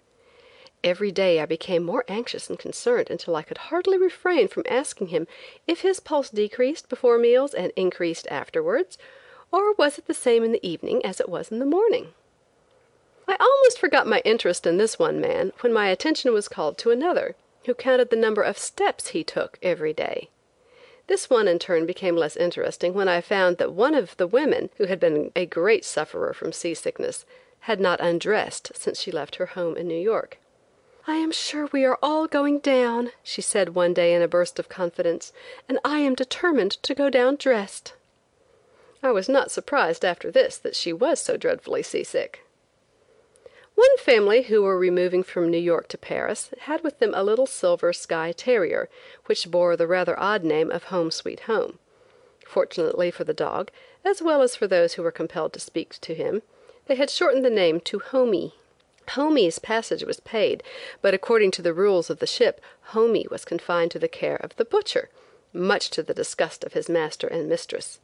Homie had not been accustomed to such harsh measures before, and the only streaks of happiness that came into his life were when permission was obtained for him to come on deck. Permission was granted with the proviso that if Homie barked he was to be taken instantly below. I fear that many hours of Homie's imprisonment might be laid at our door, for he knew how to dig most frantically whenever anyone said rats, and when he did dig, he usually punctuated his attempt with short, crisp barks. With dismay we daily noted Homie's decrease in flesh. We marveled at his losing weight while confined in the butcher's quarters, and at last put it down to seasickness, which he, like some of the passengers, confined to the secrecy of his cabin. Towards the end of the voyage, when we were all served with sausage and Hamburger steak, there would be many whispered inquiries as to whether Homie had been seen that day. So anxious became those whispers that sometimes I thought they were rather tinged with a personal concern that was not wholly friendship for the wee dog. When everything else grew tiresome, Captain Albers would always invent something to amuse us. He made a practice every evening after dinner of putting the same number of lines on a card as there were gentlemen at a table. One of these lines he would mark, and then partly folding the card over, so as to prevent the marked line from being seen, would pass it around for the men to take their choice. After all had marked, the card was passed to the captain, and we would wait breathlessly for the verdict. The gentleman whose name had been marked paid for the cigars and cordials for the others. Many were the discussions about the erroneous impression entertained by most foreigners about Americans and America. Someone remarked that the majority of people in foreign lands were not able to tell where the United States is. There are plenty of people who think the United States is one little island with a few houses on it, Captain Albers said. Once there was delivered at my house, near the wharf, in Hoboken, a letter from Germany, addressed to Captain Albers, First House in America. I got one from Germany once, said the most bashful man at the table, his face flushing at the sound of his own voice addressed to Hoboken, opposite the United States. While at luncheon on the 21st of November, someone called out that we were in sight of land. The way everyone left the table and rushed on deck was surely not surpassed by the companions of Columbus when they discovered America. I cannot give any good reason for it but I know that I looked at the first point of bleak land with more interest than I would have bestowed on the most beautiful bit of scenery in the world. We had not been long in sight of land until the decks began to fill with dazed looking, wan faced people. It was just as if we had taken on new passengers. We could not realize that they were from New York and had been enjoying, a season of seclusion since leaving that port. Dinner that evening was a very pleasant affair. Extra courses had been prepared in honor of those that were leaving at Southampton. I had not known one of the passengers when I left New York seven days before, but I realized, now that I was so soon to separate from them, that I regretted the parting very much. Had I been traveling with a companion I should not have felt this so keenly, for naturally then I would have had less time to cultivate the acquaintance of my fellow passengers. They were all so kind to me that I should have been the most ungrateful of women had I not felt that I was leaving friends behind. Captain Albers had served many years as commander of a ship in Eastern seas, and he cautioned me as to the manner in which I should take care of my health. As the time grew shorter for my stay on the Augusta Victoria, some teased me gently as to the outcome of my attempt to beat the record made by a hero of fiction and I found myself forcing a false gaiety that helped to hide my real fears. The passengers on the Augusta Victoria all stayed up to see us off. We sat on deck talking or nervously walking about until half past two in the morning. Then someone said the tugboat had come alongside, and we all rushed over to see it. After it was made secure, we went down to the lower deck to see who would come on and to get some news from land. One man was very much concerned about my making the trip to London alone. He thought as it was so late, or rather so early, that the London correspondent who was to have met me would not put in an appearance. I shall most certainly leave the ship here and see you safely to London if no one comes to meet you, he protested, despite my assurances that I felt perfectly able to get along safely without an escort. More for his sake than my own, I watched the men come on board and tried to pick out the one that had been sent to meet me. Several of them were passing us in a line just as the gentleman made some remark about my trip around the world. A tall young man overheard the remark, and turning at the foot of the stairs, looked down at me with a hesitating smile. "Nellie Bly?" He asked inquiringly. "Yes," I replied, holding out my hand, which he gave a cordial grasp, meanwhile asking if I had enjoyed my trip and if my baggage was ready to be transferred. The man who had been so fearful of my traveling to London alone took occasion to draw the correspondent into conversation. Afterwards he came to me and said with the most satisfied look upon his face, "He is all right. If he had not been so, I should have gone to London with you anyway. I can rest satisfied now, for he will take care of you." I went away with a warm feeling in my heart for that kindly man who would have sacrificed his own comfort to ensure the safety of an unprotected girl.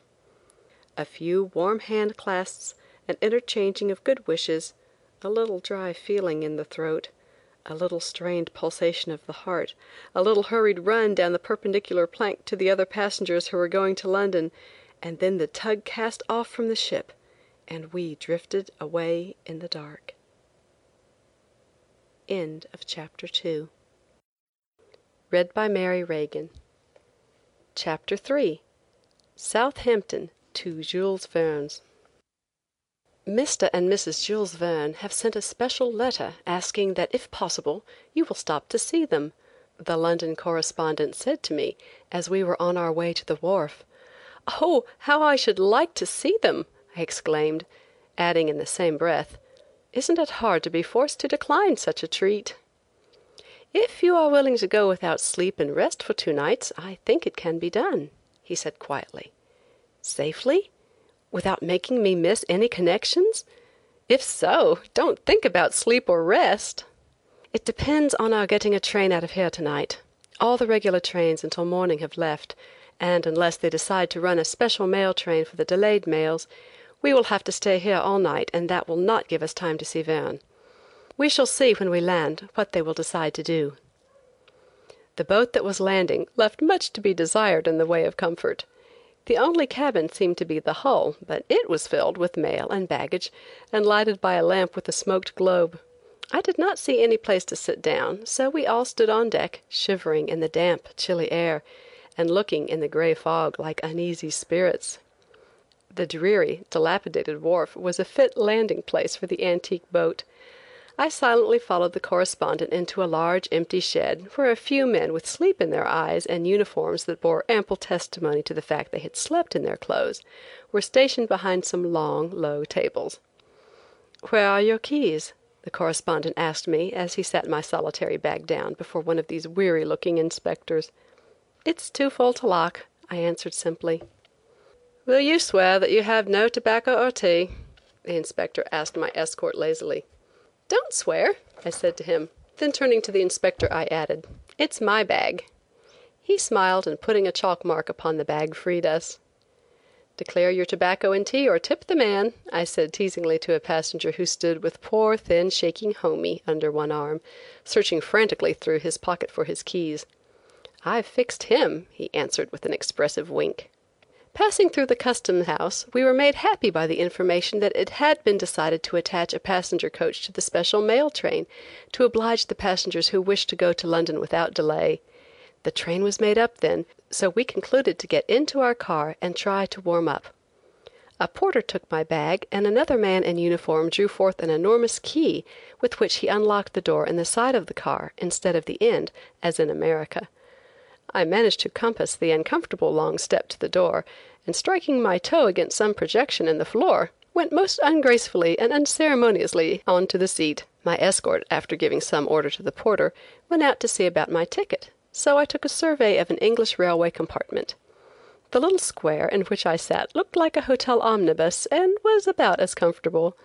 The two red leather seats in it run across the car, one backing the engine, the other backing the rear of the train. There was a door on either side, and one could hardly have told that there was a dingy lamp there to cast a light on the scene, had not the odor from it been so loud. I carefully lifted the rug that covered the thing I had fallen over, curious to see what could be so necessary to an English railway carriage as to occupy such a prominent position. I found a harmless object that looked like a bar of iron, and had just dropped the rug in place when the door opened and the porter, catching the iron at one end, pulled it out, replacing it with another like it in shape and size. "Put your feet on the foot warmer and get warm, miss," he said, and I mechanically did as he advised. My escort returned soon after, followed by a porter who carried a large basket which he put in our carriage. The guard came afterwards and took our tickets. Pasting a slip of paper to the window, which backwards looked like "Etterwerp," he went out and locked the door. "How should we get out if the train ran the track?" I asked not half liking the idea of being locked in a box like an animal in a freight train. "Trains never run off the track in England," was the quiet, satisfied answer. "Too slow for that," I said teasingly, which only provoked a gentle inquiry as to whether I wanted anything to eat. With a newspaper spread over our laps for a tablecloth, we brought out what the basket contained and put in our time eating and chatting about my journey until the train reached London. As no train was expected at that hour, Waterloo Station was almost deserted. It was some little time after we stopped before the guard unlocked the door of our compartment and released us. Our few fellow passengers were just about starting off in shabby cabs when we alighted. Once again we called good bye and good wishes to each other, and then I found myself in a four wheeled cab, facing a young Englishman who had come to meet us, and who was glibly telling us the latest news. I don't know at what hour we arrived, but my companions told me that it was daylight. I should not have known it. A gray, misty fog hung like a ghostly pall over the city. I always liked fog, it lends such a soft, beautifying light to things that otherwise in the broad glare of day would be rude and commonplace. "How are these streets compared with those of New York?" was the first question that broke the silence after our leaving the station. "They are not bad," I said with a patronizing air thinking shamefacedly of the dreadful streets of New York, although determined to hear no word against them. Westminster Abbey and the Houses of Parliament were pointed out to me, and the Thames, across which we drove. I felt that I was taking what might be called a bird's eye view of London. A great many foreigners have taken views in the same rapid way of America, and afterwards gone home and written books about America, Americans, and Americanisms. We drove first to the London office of the New York World. After receiving the cables that were waiting for my arrival, I started for the American legation to get a passport, as I had been instructed by cable. Mr. McCormick, secretary of the legation, came into the room immediately after our arrival, and after welcoming and congratulating me on the successful termination of the first portion of my trip, sat down and wrote out a passport. My escort was asked to go into another part of the room until the representative could ask me an important question. I had never required a passport before, and I felt a nervous curiosity to know what secrets were connected with such proceedings. There is one question all women dread to answer, and as very few will give a truthful reply, I will ask you to swear to the rest first and fill in the other question afterwards, unless you have no hesitancy in telling me your age. Oh, certainly, I laughed. I will tell you my age, and swear to it, too. I am not afraid. My companion may come out of the corner. What is the color of your eyes? he asked. Green, I said indifferently. He was inclined to doubt it at first, but after a little inspection, both the gentlemen accepted my verdict as correct. It was only a few seconds until we were whirling through the streets of London again. This time we went to the office of the Peninsular and Oriental Steamship Company, where I bought tickets that would cover at least half of my journey. A few moments again and we were driving rapidly to the Charing Cross station. I was faint for food, and while my companion dismissed the cab and secured tickets, I ordered the only thing on the Charing Cross bill of fare that was prepared, so when he returned his breakfast was ready for him. It was only ham and eggs and coffee, but what we got of it was delicious. I know we did not get much, and when we were interrupted by the announcement that our train was starting, I stopped long enough to take another drink of coffee, and then had to run down the platform to catch the train. There is nothing like plenty of food to preserve health. I know that cup of coffee saved me from a headache that day. I had been shaking with the cold as we made our hurried drive through London, and my head was so dizzy at times that I hardly knew whether the earth had a chill or my brains were attending a ball.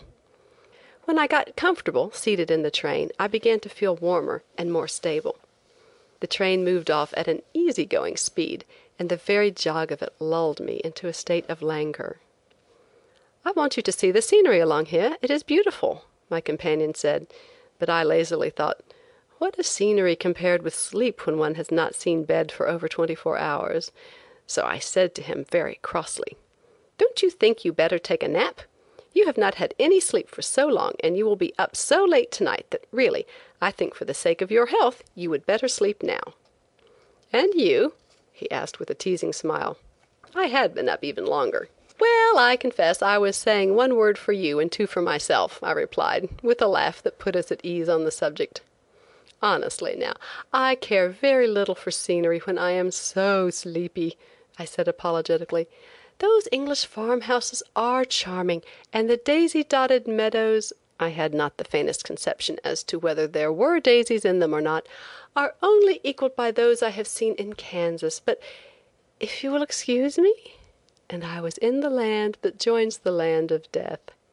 I slept an easy, happy sleep, filled with dreams of home, until I was waked by the train stopping. "We change for the boat here," my companion said, catching up our bags and rugs, which he hauled to a porter. A little walk down to the pier brought us to the place where a boat was waiting. Some people were getting off the boat, but a larger number stood idly about, waiting for it to move off. The air was very cold and chilly, but I still preferred the deck to the close, musty smelling cabin beneath. Two English women also remained on deck. I was much amused at the conversation they held with some friends who had accompanied them to the boat and now stood on the wharf. One would have supposed, by hearing the conversation, that they had only that instant met and having no time to spend together, were forced to make all further arrangements on the spot. "You will come over to morrow, now don't forget," the young woman on the boat called out. "I won't forget. Are you certain you have everything with you?" the one on the wharf called back. "Look after Fido. Give him that compound in the morning if there is no appearance of improvement," the first one said. "You will meet me to morrow?" said number two on shore. "Oh, yes, don't forget to come," was the reply, and as the boat moved out they both talked at once until we were quite a distance off, then simultaneously the one turned to her chair and the other turned around and walked rapidly away from the wharf. There has been so much written and told about the English Channel that one is inclined to think of it as a stream of horrors. It is also affirmed that even hardy sailors "bring up the past" when crossing over it, so I naturally felt that my time would come. All of the passengers must have been familiar with the history of the Channel, for I saw everyone trying all the known preventives of seasickness. The women assumed reclining positions, and the men sought the bar. I remained on deck and watched the seagulls, or what I thought were these useful birds, useful for millinery purposes, and froze my nose. It was bitterly cold, but I found the cold bracing until we anchored at Boulogne, France. Then I had a chill. At the end of this desolate pier, where boats anchor and where trains start, is a small, dingy restaurant. While a little English sailor, who always dropped his H's and never forgot his sir, took charge of our bags and went to secure accommodations for us in the outgoing train, we followed the other passengers into the restaurant to get something warm to eat. I was in France now, and I began to wonder now what would have been my fate if I had been alone as I had expected. I knew my companion spoke French, the language that all the people about us were speaking, so I felt perfectly easy on that score as long as he was with me. We took our places at the table and he began to order in French. The waiter looked blankly at him, until at last, more in a spirit of fun than anything else, I suggested that he give the order in English. The waiter glanced at me with a smile, and answered in English. We traveled from Boulogne to Amiens in an apartment with an English couple and a Frenchman. There was one foot warmer and the day was cold. We all tried to put our feet on the one foot warmer and the result was embarrassing. The Frenchman sat facing me, and as I was conscious of having tramped on someone's toes, and as he looked at me angrily all the time above the edge of his newspaper, I had a guilty feeling of knowing whose toes had been tramped on. During this trip I tried to solve the reason for the popularity of these ancient incommodious railway carriages. I was very shortly decided that while they may be suitable for countries where little traveling is done, they would be thoroughly useless in thinly populated countries where people think less of traveling 3,000 miles than they do about their dinner. I also decided that the reason why we think nothing of starting out on long trips is because our comfort is so well looked after, that living on a first class railway train is as comfortable as living at a first class hotel. The English railway carriages are wretchedly heated. One's feet will be burning on the foot warmer while one's back will be freezing in the cold air above. If one should be very suddenly taken ill in an English railway compartment, it would be a very serious matter. Still, I can picture conditions under which these ancient railway carriages might be agreeable, but they are not such as would induce a traveler to prefer them to those built on the American model. Supposing one had the measles or a black eye, then a compartment in a railway carriage, made private by a tip to the porter, would be very consoling.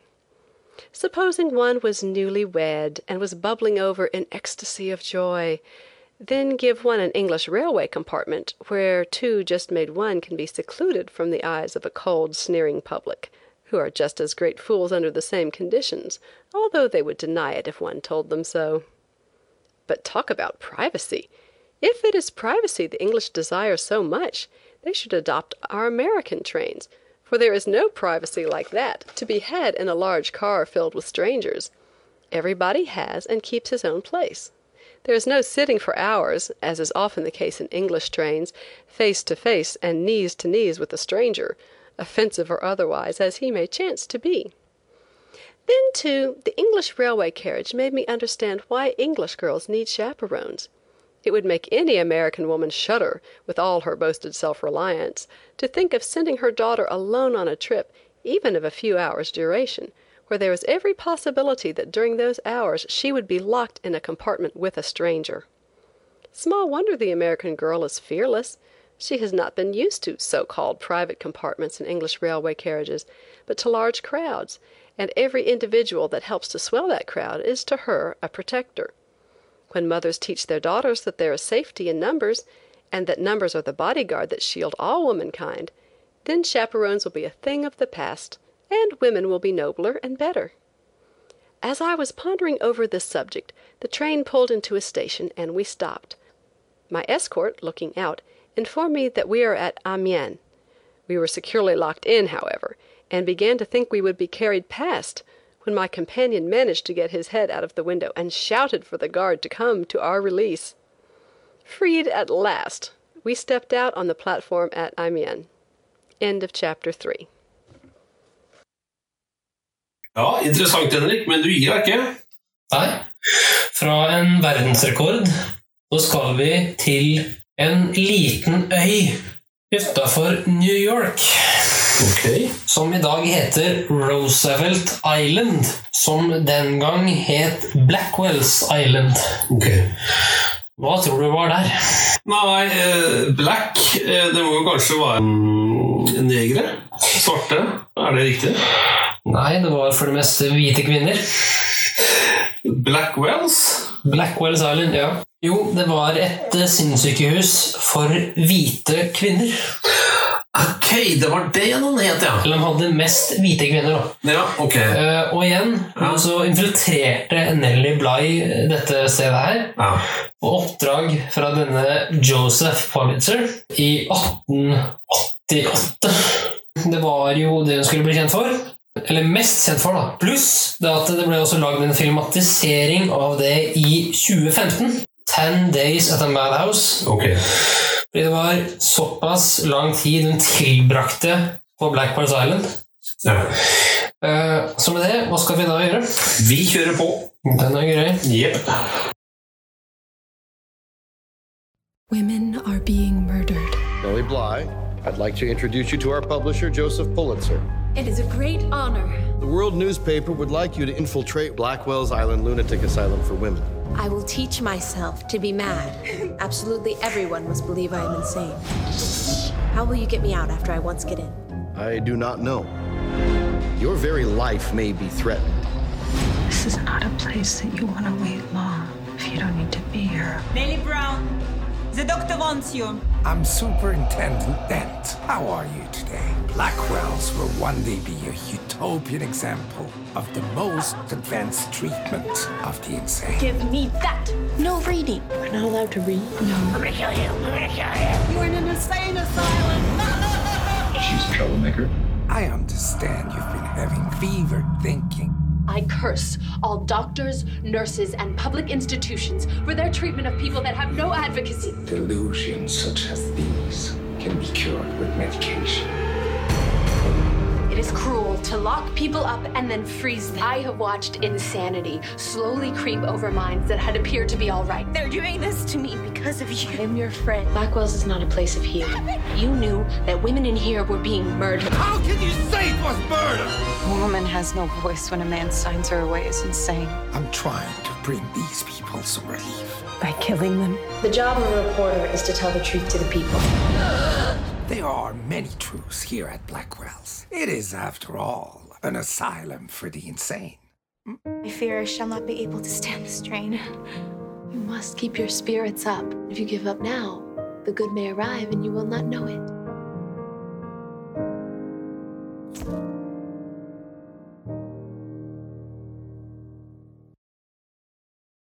Ja, Henrik. Nå har du virkelig klin til det da. Du har kost deg, det jeg har sett. Du har vært engasjert, det har jeg også sett. Det har vært en ganske lang eh, podd i dag, men du virkelig har bare nøt øyeblikkene. Og hva tenker du sjøl? Nå skal vi videre til eh, dokumentasjonen fra Nelly Bly selv. Det oppholdet på Black Horse Island. Du skal kjøre enda en runde? Ja. Ja, ok. Ten Days in a Madhouse by Nelly Bly. Chapter 1 A Delicate Mission. On the 22nd of September, I was asked by the world if I could have myself committed to one of the asylums for the insane in New York, with a view to writing a plain and unvarnished narrative of the treatment of the patients therein, and the methods of management, etc. Did I think I had the courage to go through with such an ordeal as the mission would demand? Could I assume the characteristics of insanity to such a degree that I could pass the doctors, live for a week among the insane without the authorities there finding out that I was only a chiel amang 'em take notes? I said I believed I could. I had some faith in my own ability as an actress, and thought I could assume insanity long enough to accomplish any mission entrusted to me. Could I pass a week in the insane ward at Blackwell's Island? I said I could, and I would. And I did. My instructions were simply to go on with my work as soon as I felt that I was ready. I was to chronicle faithfully the experiences I underwent, and when once within the walls of the asylum, to find out and describe its inside workings, which are always so effectively hidden by white capped nurses, as well as by bolts and bars from the knowledge of the public. We do not ask you to go there for the purpose of making sensational revelations. Write up things as you find them, good or bad. Give praise or blame as you think best, and the truth all the time. But I am afraid of that chronic smile of yours, said the editor. I will smile no more, I said, and I went away to execute my delicate and, as I found out, difficult mission.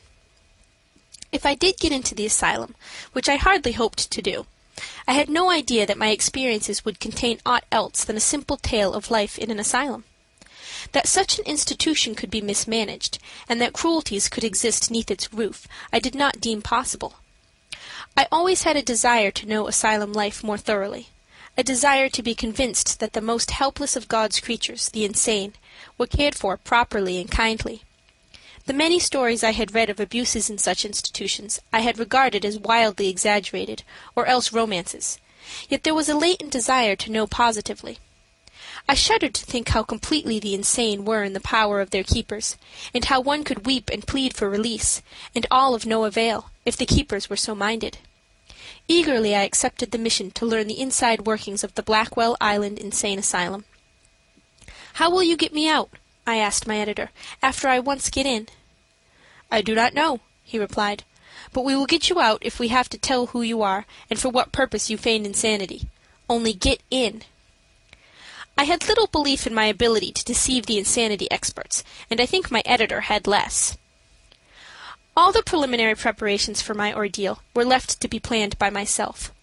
Only one thing was decided upon, namely, that I should pass under the pseudonym of Nellie Brown, the initials of which would agree with my own name and my linen, so that there would be no difficulty in keeping track of my movements and assisting me out of any difficulties or dangers I might get into. There were ways of getting into the insane ward, but I did not know them. I might adopt one of two courses. Either I could feign insanity at the house of friends and get myself committed on the decision of two competent physicians, or I could go to my goal by way of the police courts. On reflection, I thought it wiser not to inflict myself upon my friends, or to get any good natured doctors to assist me in my purpose. Besides, to get to Blackwell's Island my friends would have had to feign poverty, and unfortunately for the end I had in view, my acquaintance with the struggling poor, except my own self, was only very superficial. So I determined upon the plan which led me to the successful accomplishment of my mission. I succeeded in getting myself committed to the insane ward at Blackwell's Island, where I spent ten days and nights and had an experience which I shall never forget. I took upon myself to enact the part of a poor, unfortunate, crazy girl, and felt it my duty not to shirk any of the disagreeable results that should follow. I became one of the city's insane wards for that length of time, experienced much, and saw and heard more of the treatment accorded to this helpless class of our population. And when I had seen and heard enough, my release was promptly secured. I left the insane ward with pleasure and regret pleasure that I was once more able to enjoy the free breath of heaven, regret that I could not have brought with me some of the unfortunate women who lived and suffered with me, and who, I am convinced, are just as sane as I was and am now myself. But here let me say one thing. From the moment I entered the insane ward on the island, I made no attempt to keep up the assumed role of insanity. I talked and acted just as I do in ordinary life. Yet, strange to say, the more sanely I talked and acted, the crazier I was thought to be by all except one physician, whose kindness and gentle ways I shall not soon forget. End of chapter one. Chapter two. Preparing for the ordeal. But to return to my work and my mission. After receiving my instructions, I returned to my boarding house, and when evening came I began to practice the role in which I was to make my debut on the morrow. What a difficult task, I thought, to appear before a crowd of people and convince them that I was insane. I had never been near insane persons before in my life, and had not the faintest idea of what their actions were like. And then to be examined by a number of learned physicians who make insanity a specialty, and who daily come in contact with insane people. How could I hope to pass these doctors and convince them that I was crazy? I feared that they could not be deceived. I began to think my task a hopeless one, but it had to be done so I flew to the mirror and examined my face. I remembered all I had read of the doings of crazy people, how first of all they have staring eyes, and so I opened mine as wide as possible and stared unblinkingly at my own reflection. I assure you the sight was not reassuring, even to myself, especially in the dead of night. I tried to turn the gas up higher in hopes that it would raise my courage. I succeeded only partially, but I consoled myself with the thought that in a few nights more I would not be there, but locked up in a cell with a lot of lunatics. The weather was not cold, but nevertheless, when I thought of what was to come, wintry chills ran races up and down my back in a very mockery of the perspiration which was slowly but surely taking the curl out of my bangs. Between times, practicing before the mirror and picturing my future as a lunatic, I read snatches of improbable and impossible ghost stories, so that when the dawn came to chase away the night, I felt that I was in a fit mood for my mission, yet hungry enough to feel keenly that I wanted my breakfast. Slowly and sadly I took my morning bath, and quietly bade farewell to a few of the most precious articles known to modern civilization. Tenderly I put my toothbrush aside, and when taking a final rub of the soap I murmured, "It may be for days, and it may be for longer." Then I donned the old clothing I had selected for the occasion. I was in the mood to look at everything through very serious glasses. It's just as well to take a last fond look, I mused, for who could tell but that the strain of playing crazy and being shut up with a crowd of mad people might turn my own brain, and I would never get back. But not once did I think of shirking my mission. Calmly, outwardly at least, I went out to my crazy business. I first thought it best to go to a boarding house, and after securing lodging, confidentially tell the landlady or lord, whichever it might chance to be, that I was seeking work, and in a few days after, apparently go insane. When I reconsidered the idea, I found it would take too long to mature. Suddenly I thought how much easier it would be to go to a boarding home for working women. I knew, if once I made a house full of women believe me crazy, that they would never rest until I was out of their reach and in secure quarters. From a directory I selected the temporary home for females, number 84 Second Avenue. As I walked down the avenue I determined that, once inside the home, I should do the best I could to get started on my journey to Blackwell's Island and the insane asylum. End of chapter 2. Chapter 3. In the temporary home. I was left to begin my career as Nellie Brown, the insane girl. As I walked down the avenue I tried to assume the look which maidens wear in pictures entitled Dreaming. Far away expressions have a crazy air. I passed through the little paved yard to the entrance of the home. I pulled the bell, which sounded loud enough for a church chime, and nervously awaited the opening of the door to the home, which I intended should ere long cast me forth and out upon the charity of the police. The door was thrown back with a vengeance, and a short, yellow haired girl of some thirteen summers stood before me. Is the matron in? I asked faintly. Yes, she's in. She's busy. Go to the back parlor, answered the girl in a loud voice, without one change in her peculiarly matured face. I followed these not over kind or polite instructions, and found myself in a dark, uncomfortable back parlor. There I awaited the arrival of my hostess. I had been seated some twenty minutes at the least, when a slender woman, clad in a plain, dark dress, entered, and, stopping before me, ejaculated inquiringly, "Well?" "Are you the matron?" I asked. "No," she replied. "The matron is sick. I am her assistant. What do you want?" "I want to stay here for a few days, if you can accommodate me." "Well, I have no single rooms, we are so crowded. But if you will occupy a room with another girl, I shall do that much for you." "I shall be glad of that," I answered. "How much do you charge?" I had brought only about seventy cents along with me, knowing full well that the sooner my funds were exhausted the sooner I should be put out, and to be put out was what I was working for. "We charge thirty cents a night," was her reply to my question, and with that I paid her for one night's lodging, and she left me on the plea of having something else to look after. Left to amuse myself as best I could, I took a survey of my surroundings. They were not cheerful, to say the least. A wardrobe, desk, bookcase, organ, and several chairs completed the furnishment of the room, into which the daylight barely came.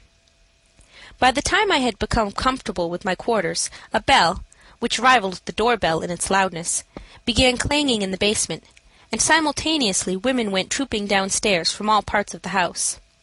I imagined, from the obvious signs, that dinner was served, but as no one had said anything to me, I made no effort to follow in the hungry train. Yet I did wish that some one would invite me down.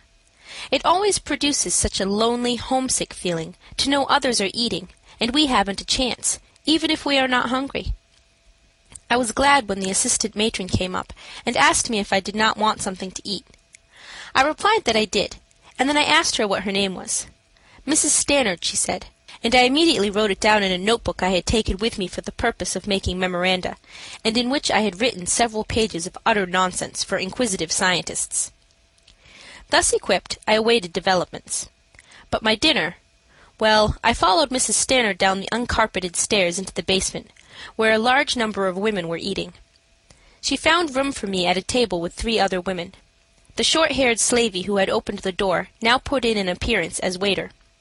Placing her arms akimbo and staring me out of countenance, she said, Boiled mutton, boiled beef, beans, potatoes, coffee or tea. Beef, potatoes, coffee, and bread, I responded. Bread goes in, she explained, as she made her way to the kitchen, which was in the rear. It was not very long before she returned with what I had ordered on a large, badly battered tray, which she banged down before me. I began my simple meal. It was not very enticing, so while making a feint of eating I watched the others. I have often moralized on the repulsive form charity always assumes. Here was a home for deserving women, and yet what a mockery the name was. The floor was bare, and the little wooden tables were sublimely ignorant of such modern beautifiers as varnish, polish, and table covers. It is useless to talk about the cheapness of linen and its effect on civilization. Yet these honest workers, the most deserving of women, are asked to call this spot of barrenness home. When the meal was finished, each woman went to the desk in the corner, where Mrs. Stannard sat, and paid her bill. I was given a much used and abused red check by the original piece of humanity in shape of my waitress. My bill was about thirty cents. After dinner I went upstairs and resumed my former place in the back parlor. I was quite cold and uncomfortable, and had fully made up my mind that I could not endure that sort of business long, so the sooner I assumed my insane points, the sooner I would be released from enforced idleness. Ah, that was indeed the longest day I ever lived. I listlessly watched the women in the front parlor, where all sat except myself.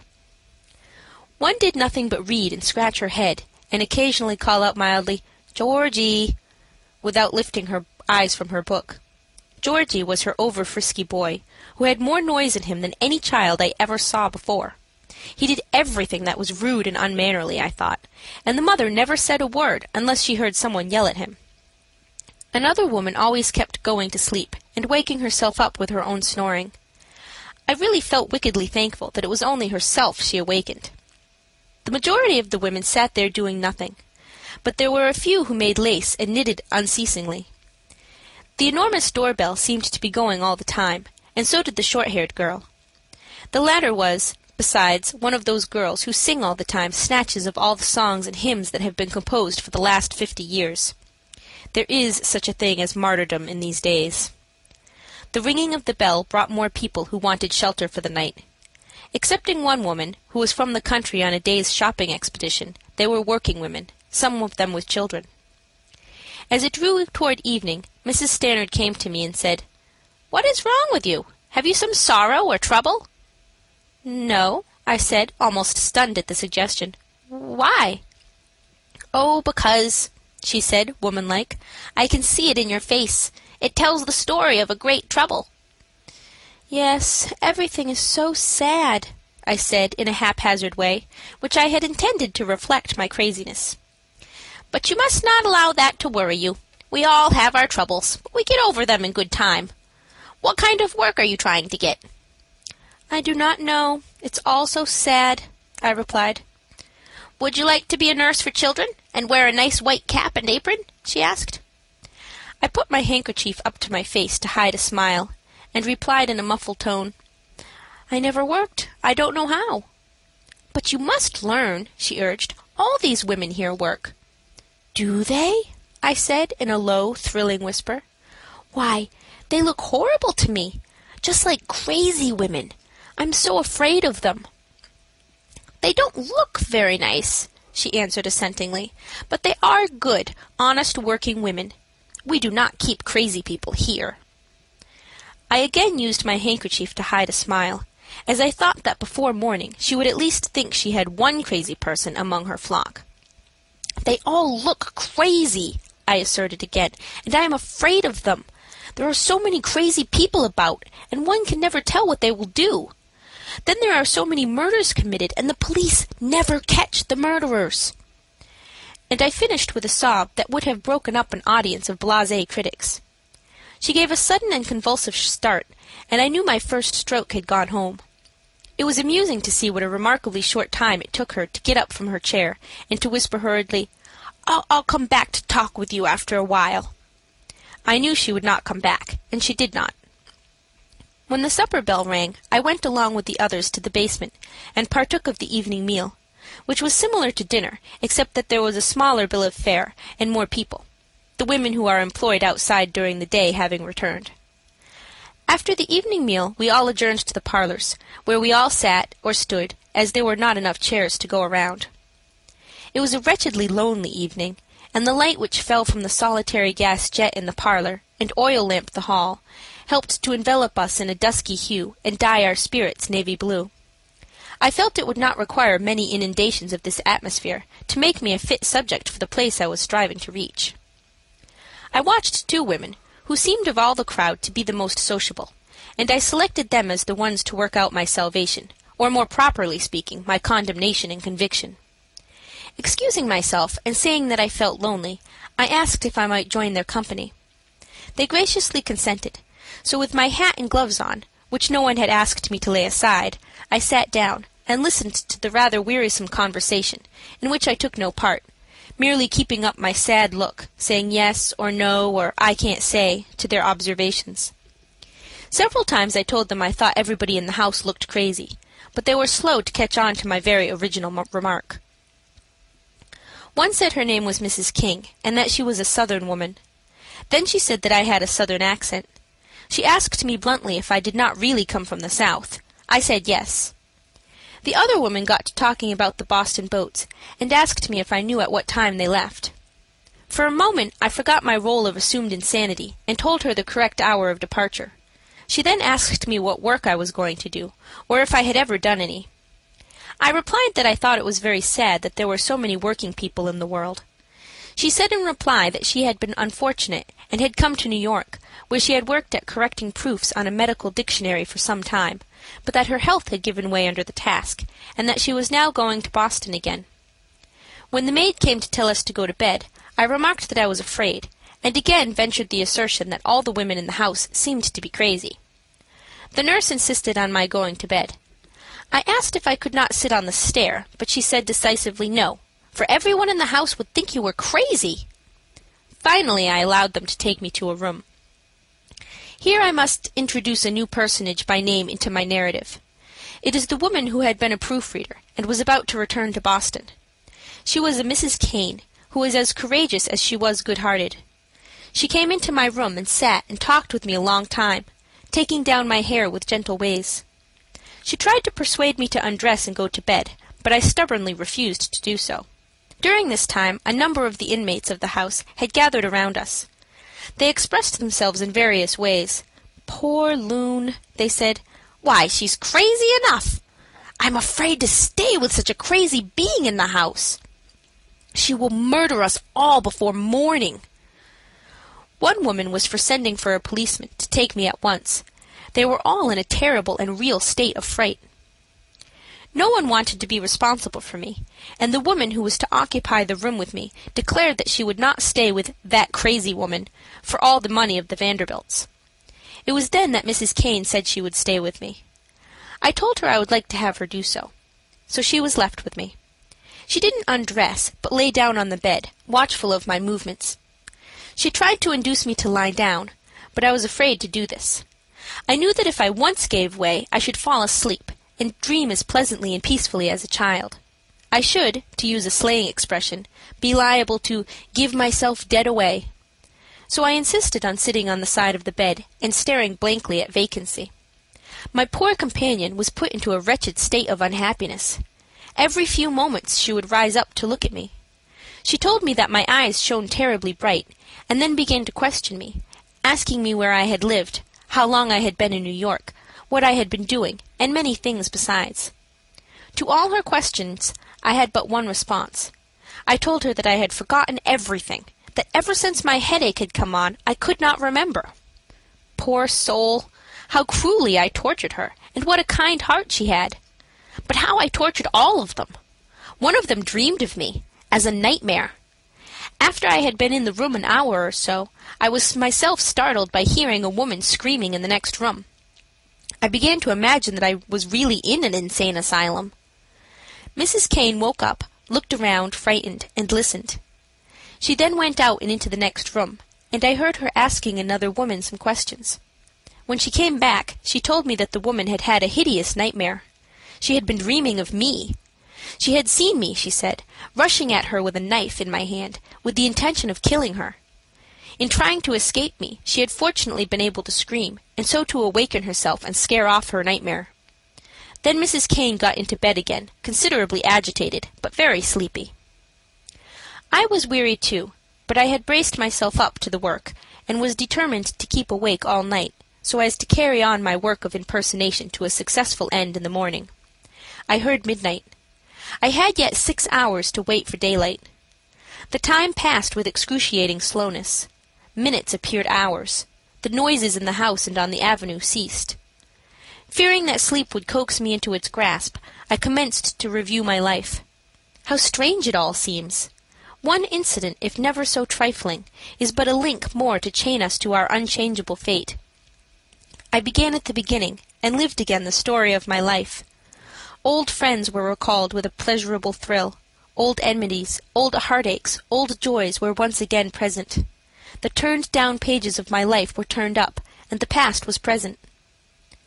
When it was completed I turned my thoughts bravely to the future, wondering first what the next day would bring forth, then making plans for the carrying out of my project.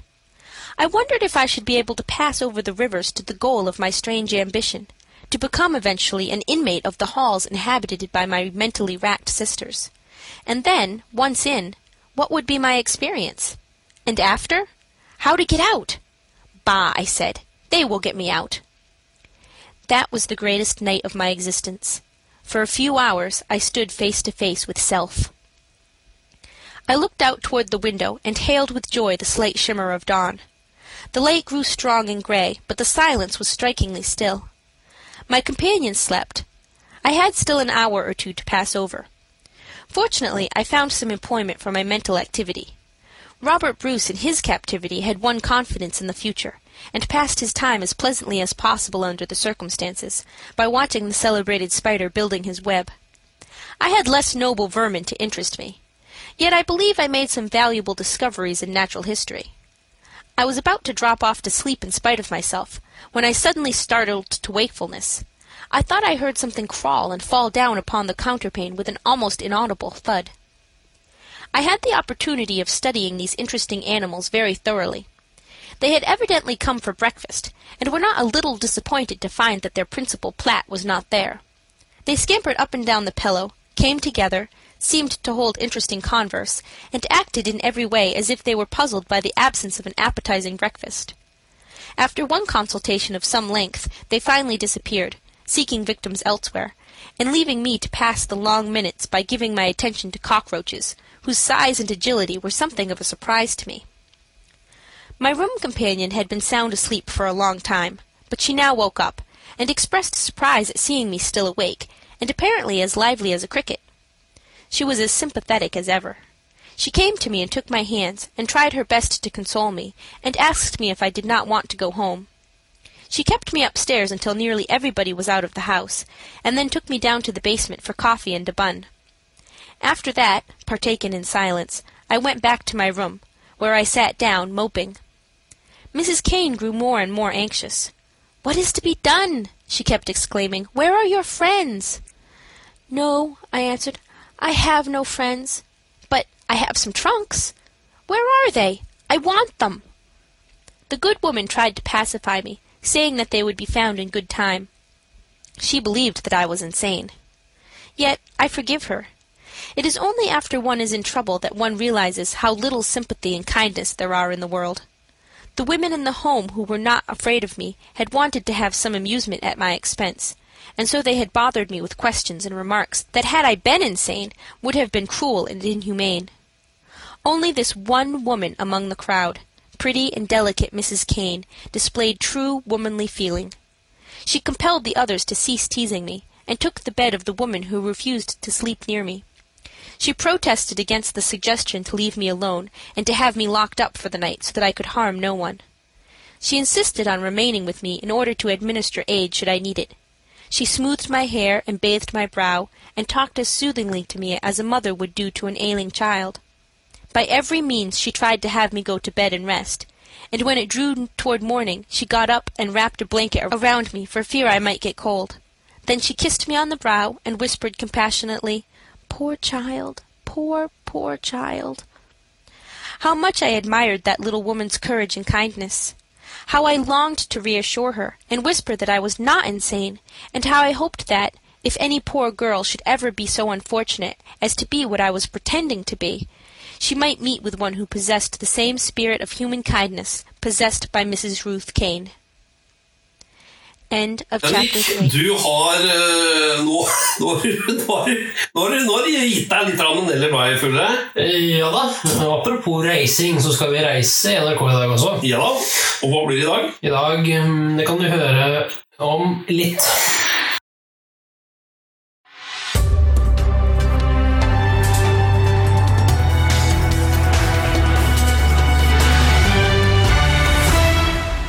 NRK-hjørnet.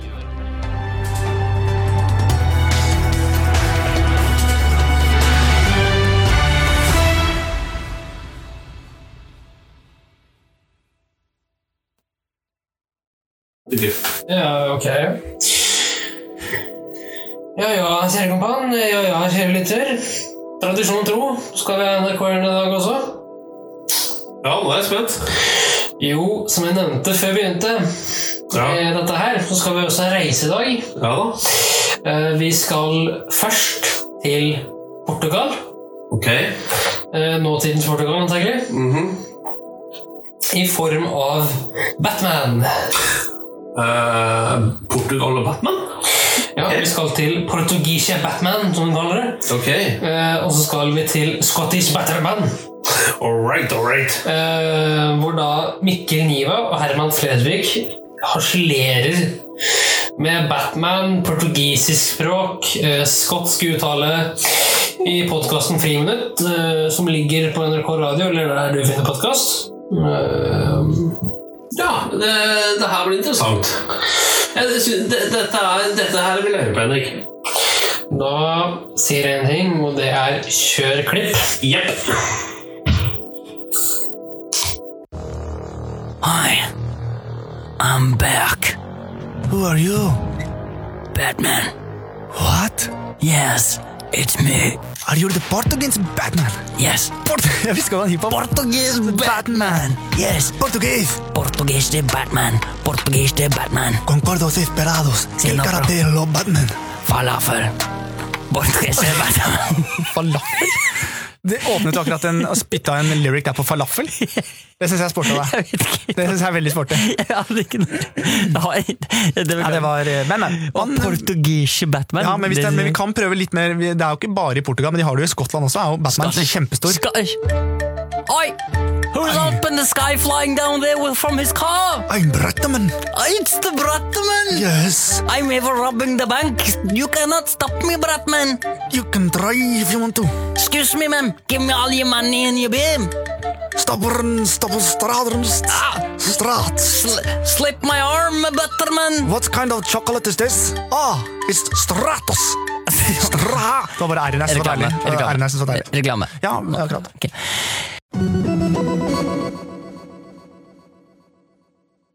Henrik, dette her var en eh, liten sånn maratonløp-pod, føler jeg.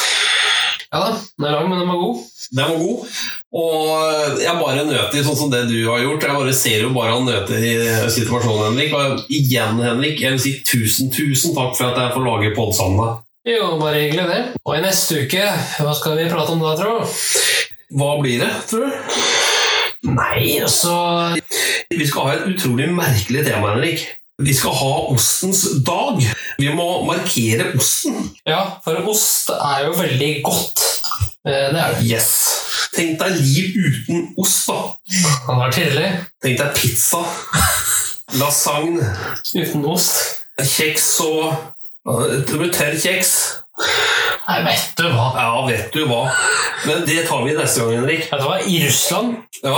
så var det, kan det være enda, en lov ja. som tilsier at man ikke har lov til å importere oster. Hæ? Det tar vi opp neste gang. Ha det godt så lenge, gutten min, og tusen takk for i dag. Bare hyggelig. Ha det godt. Da. Ha det godt.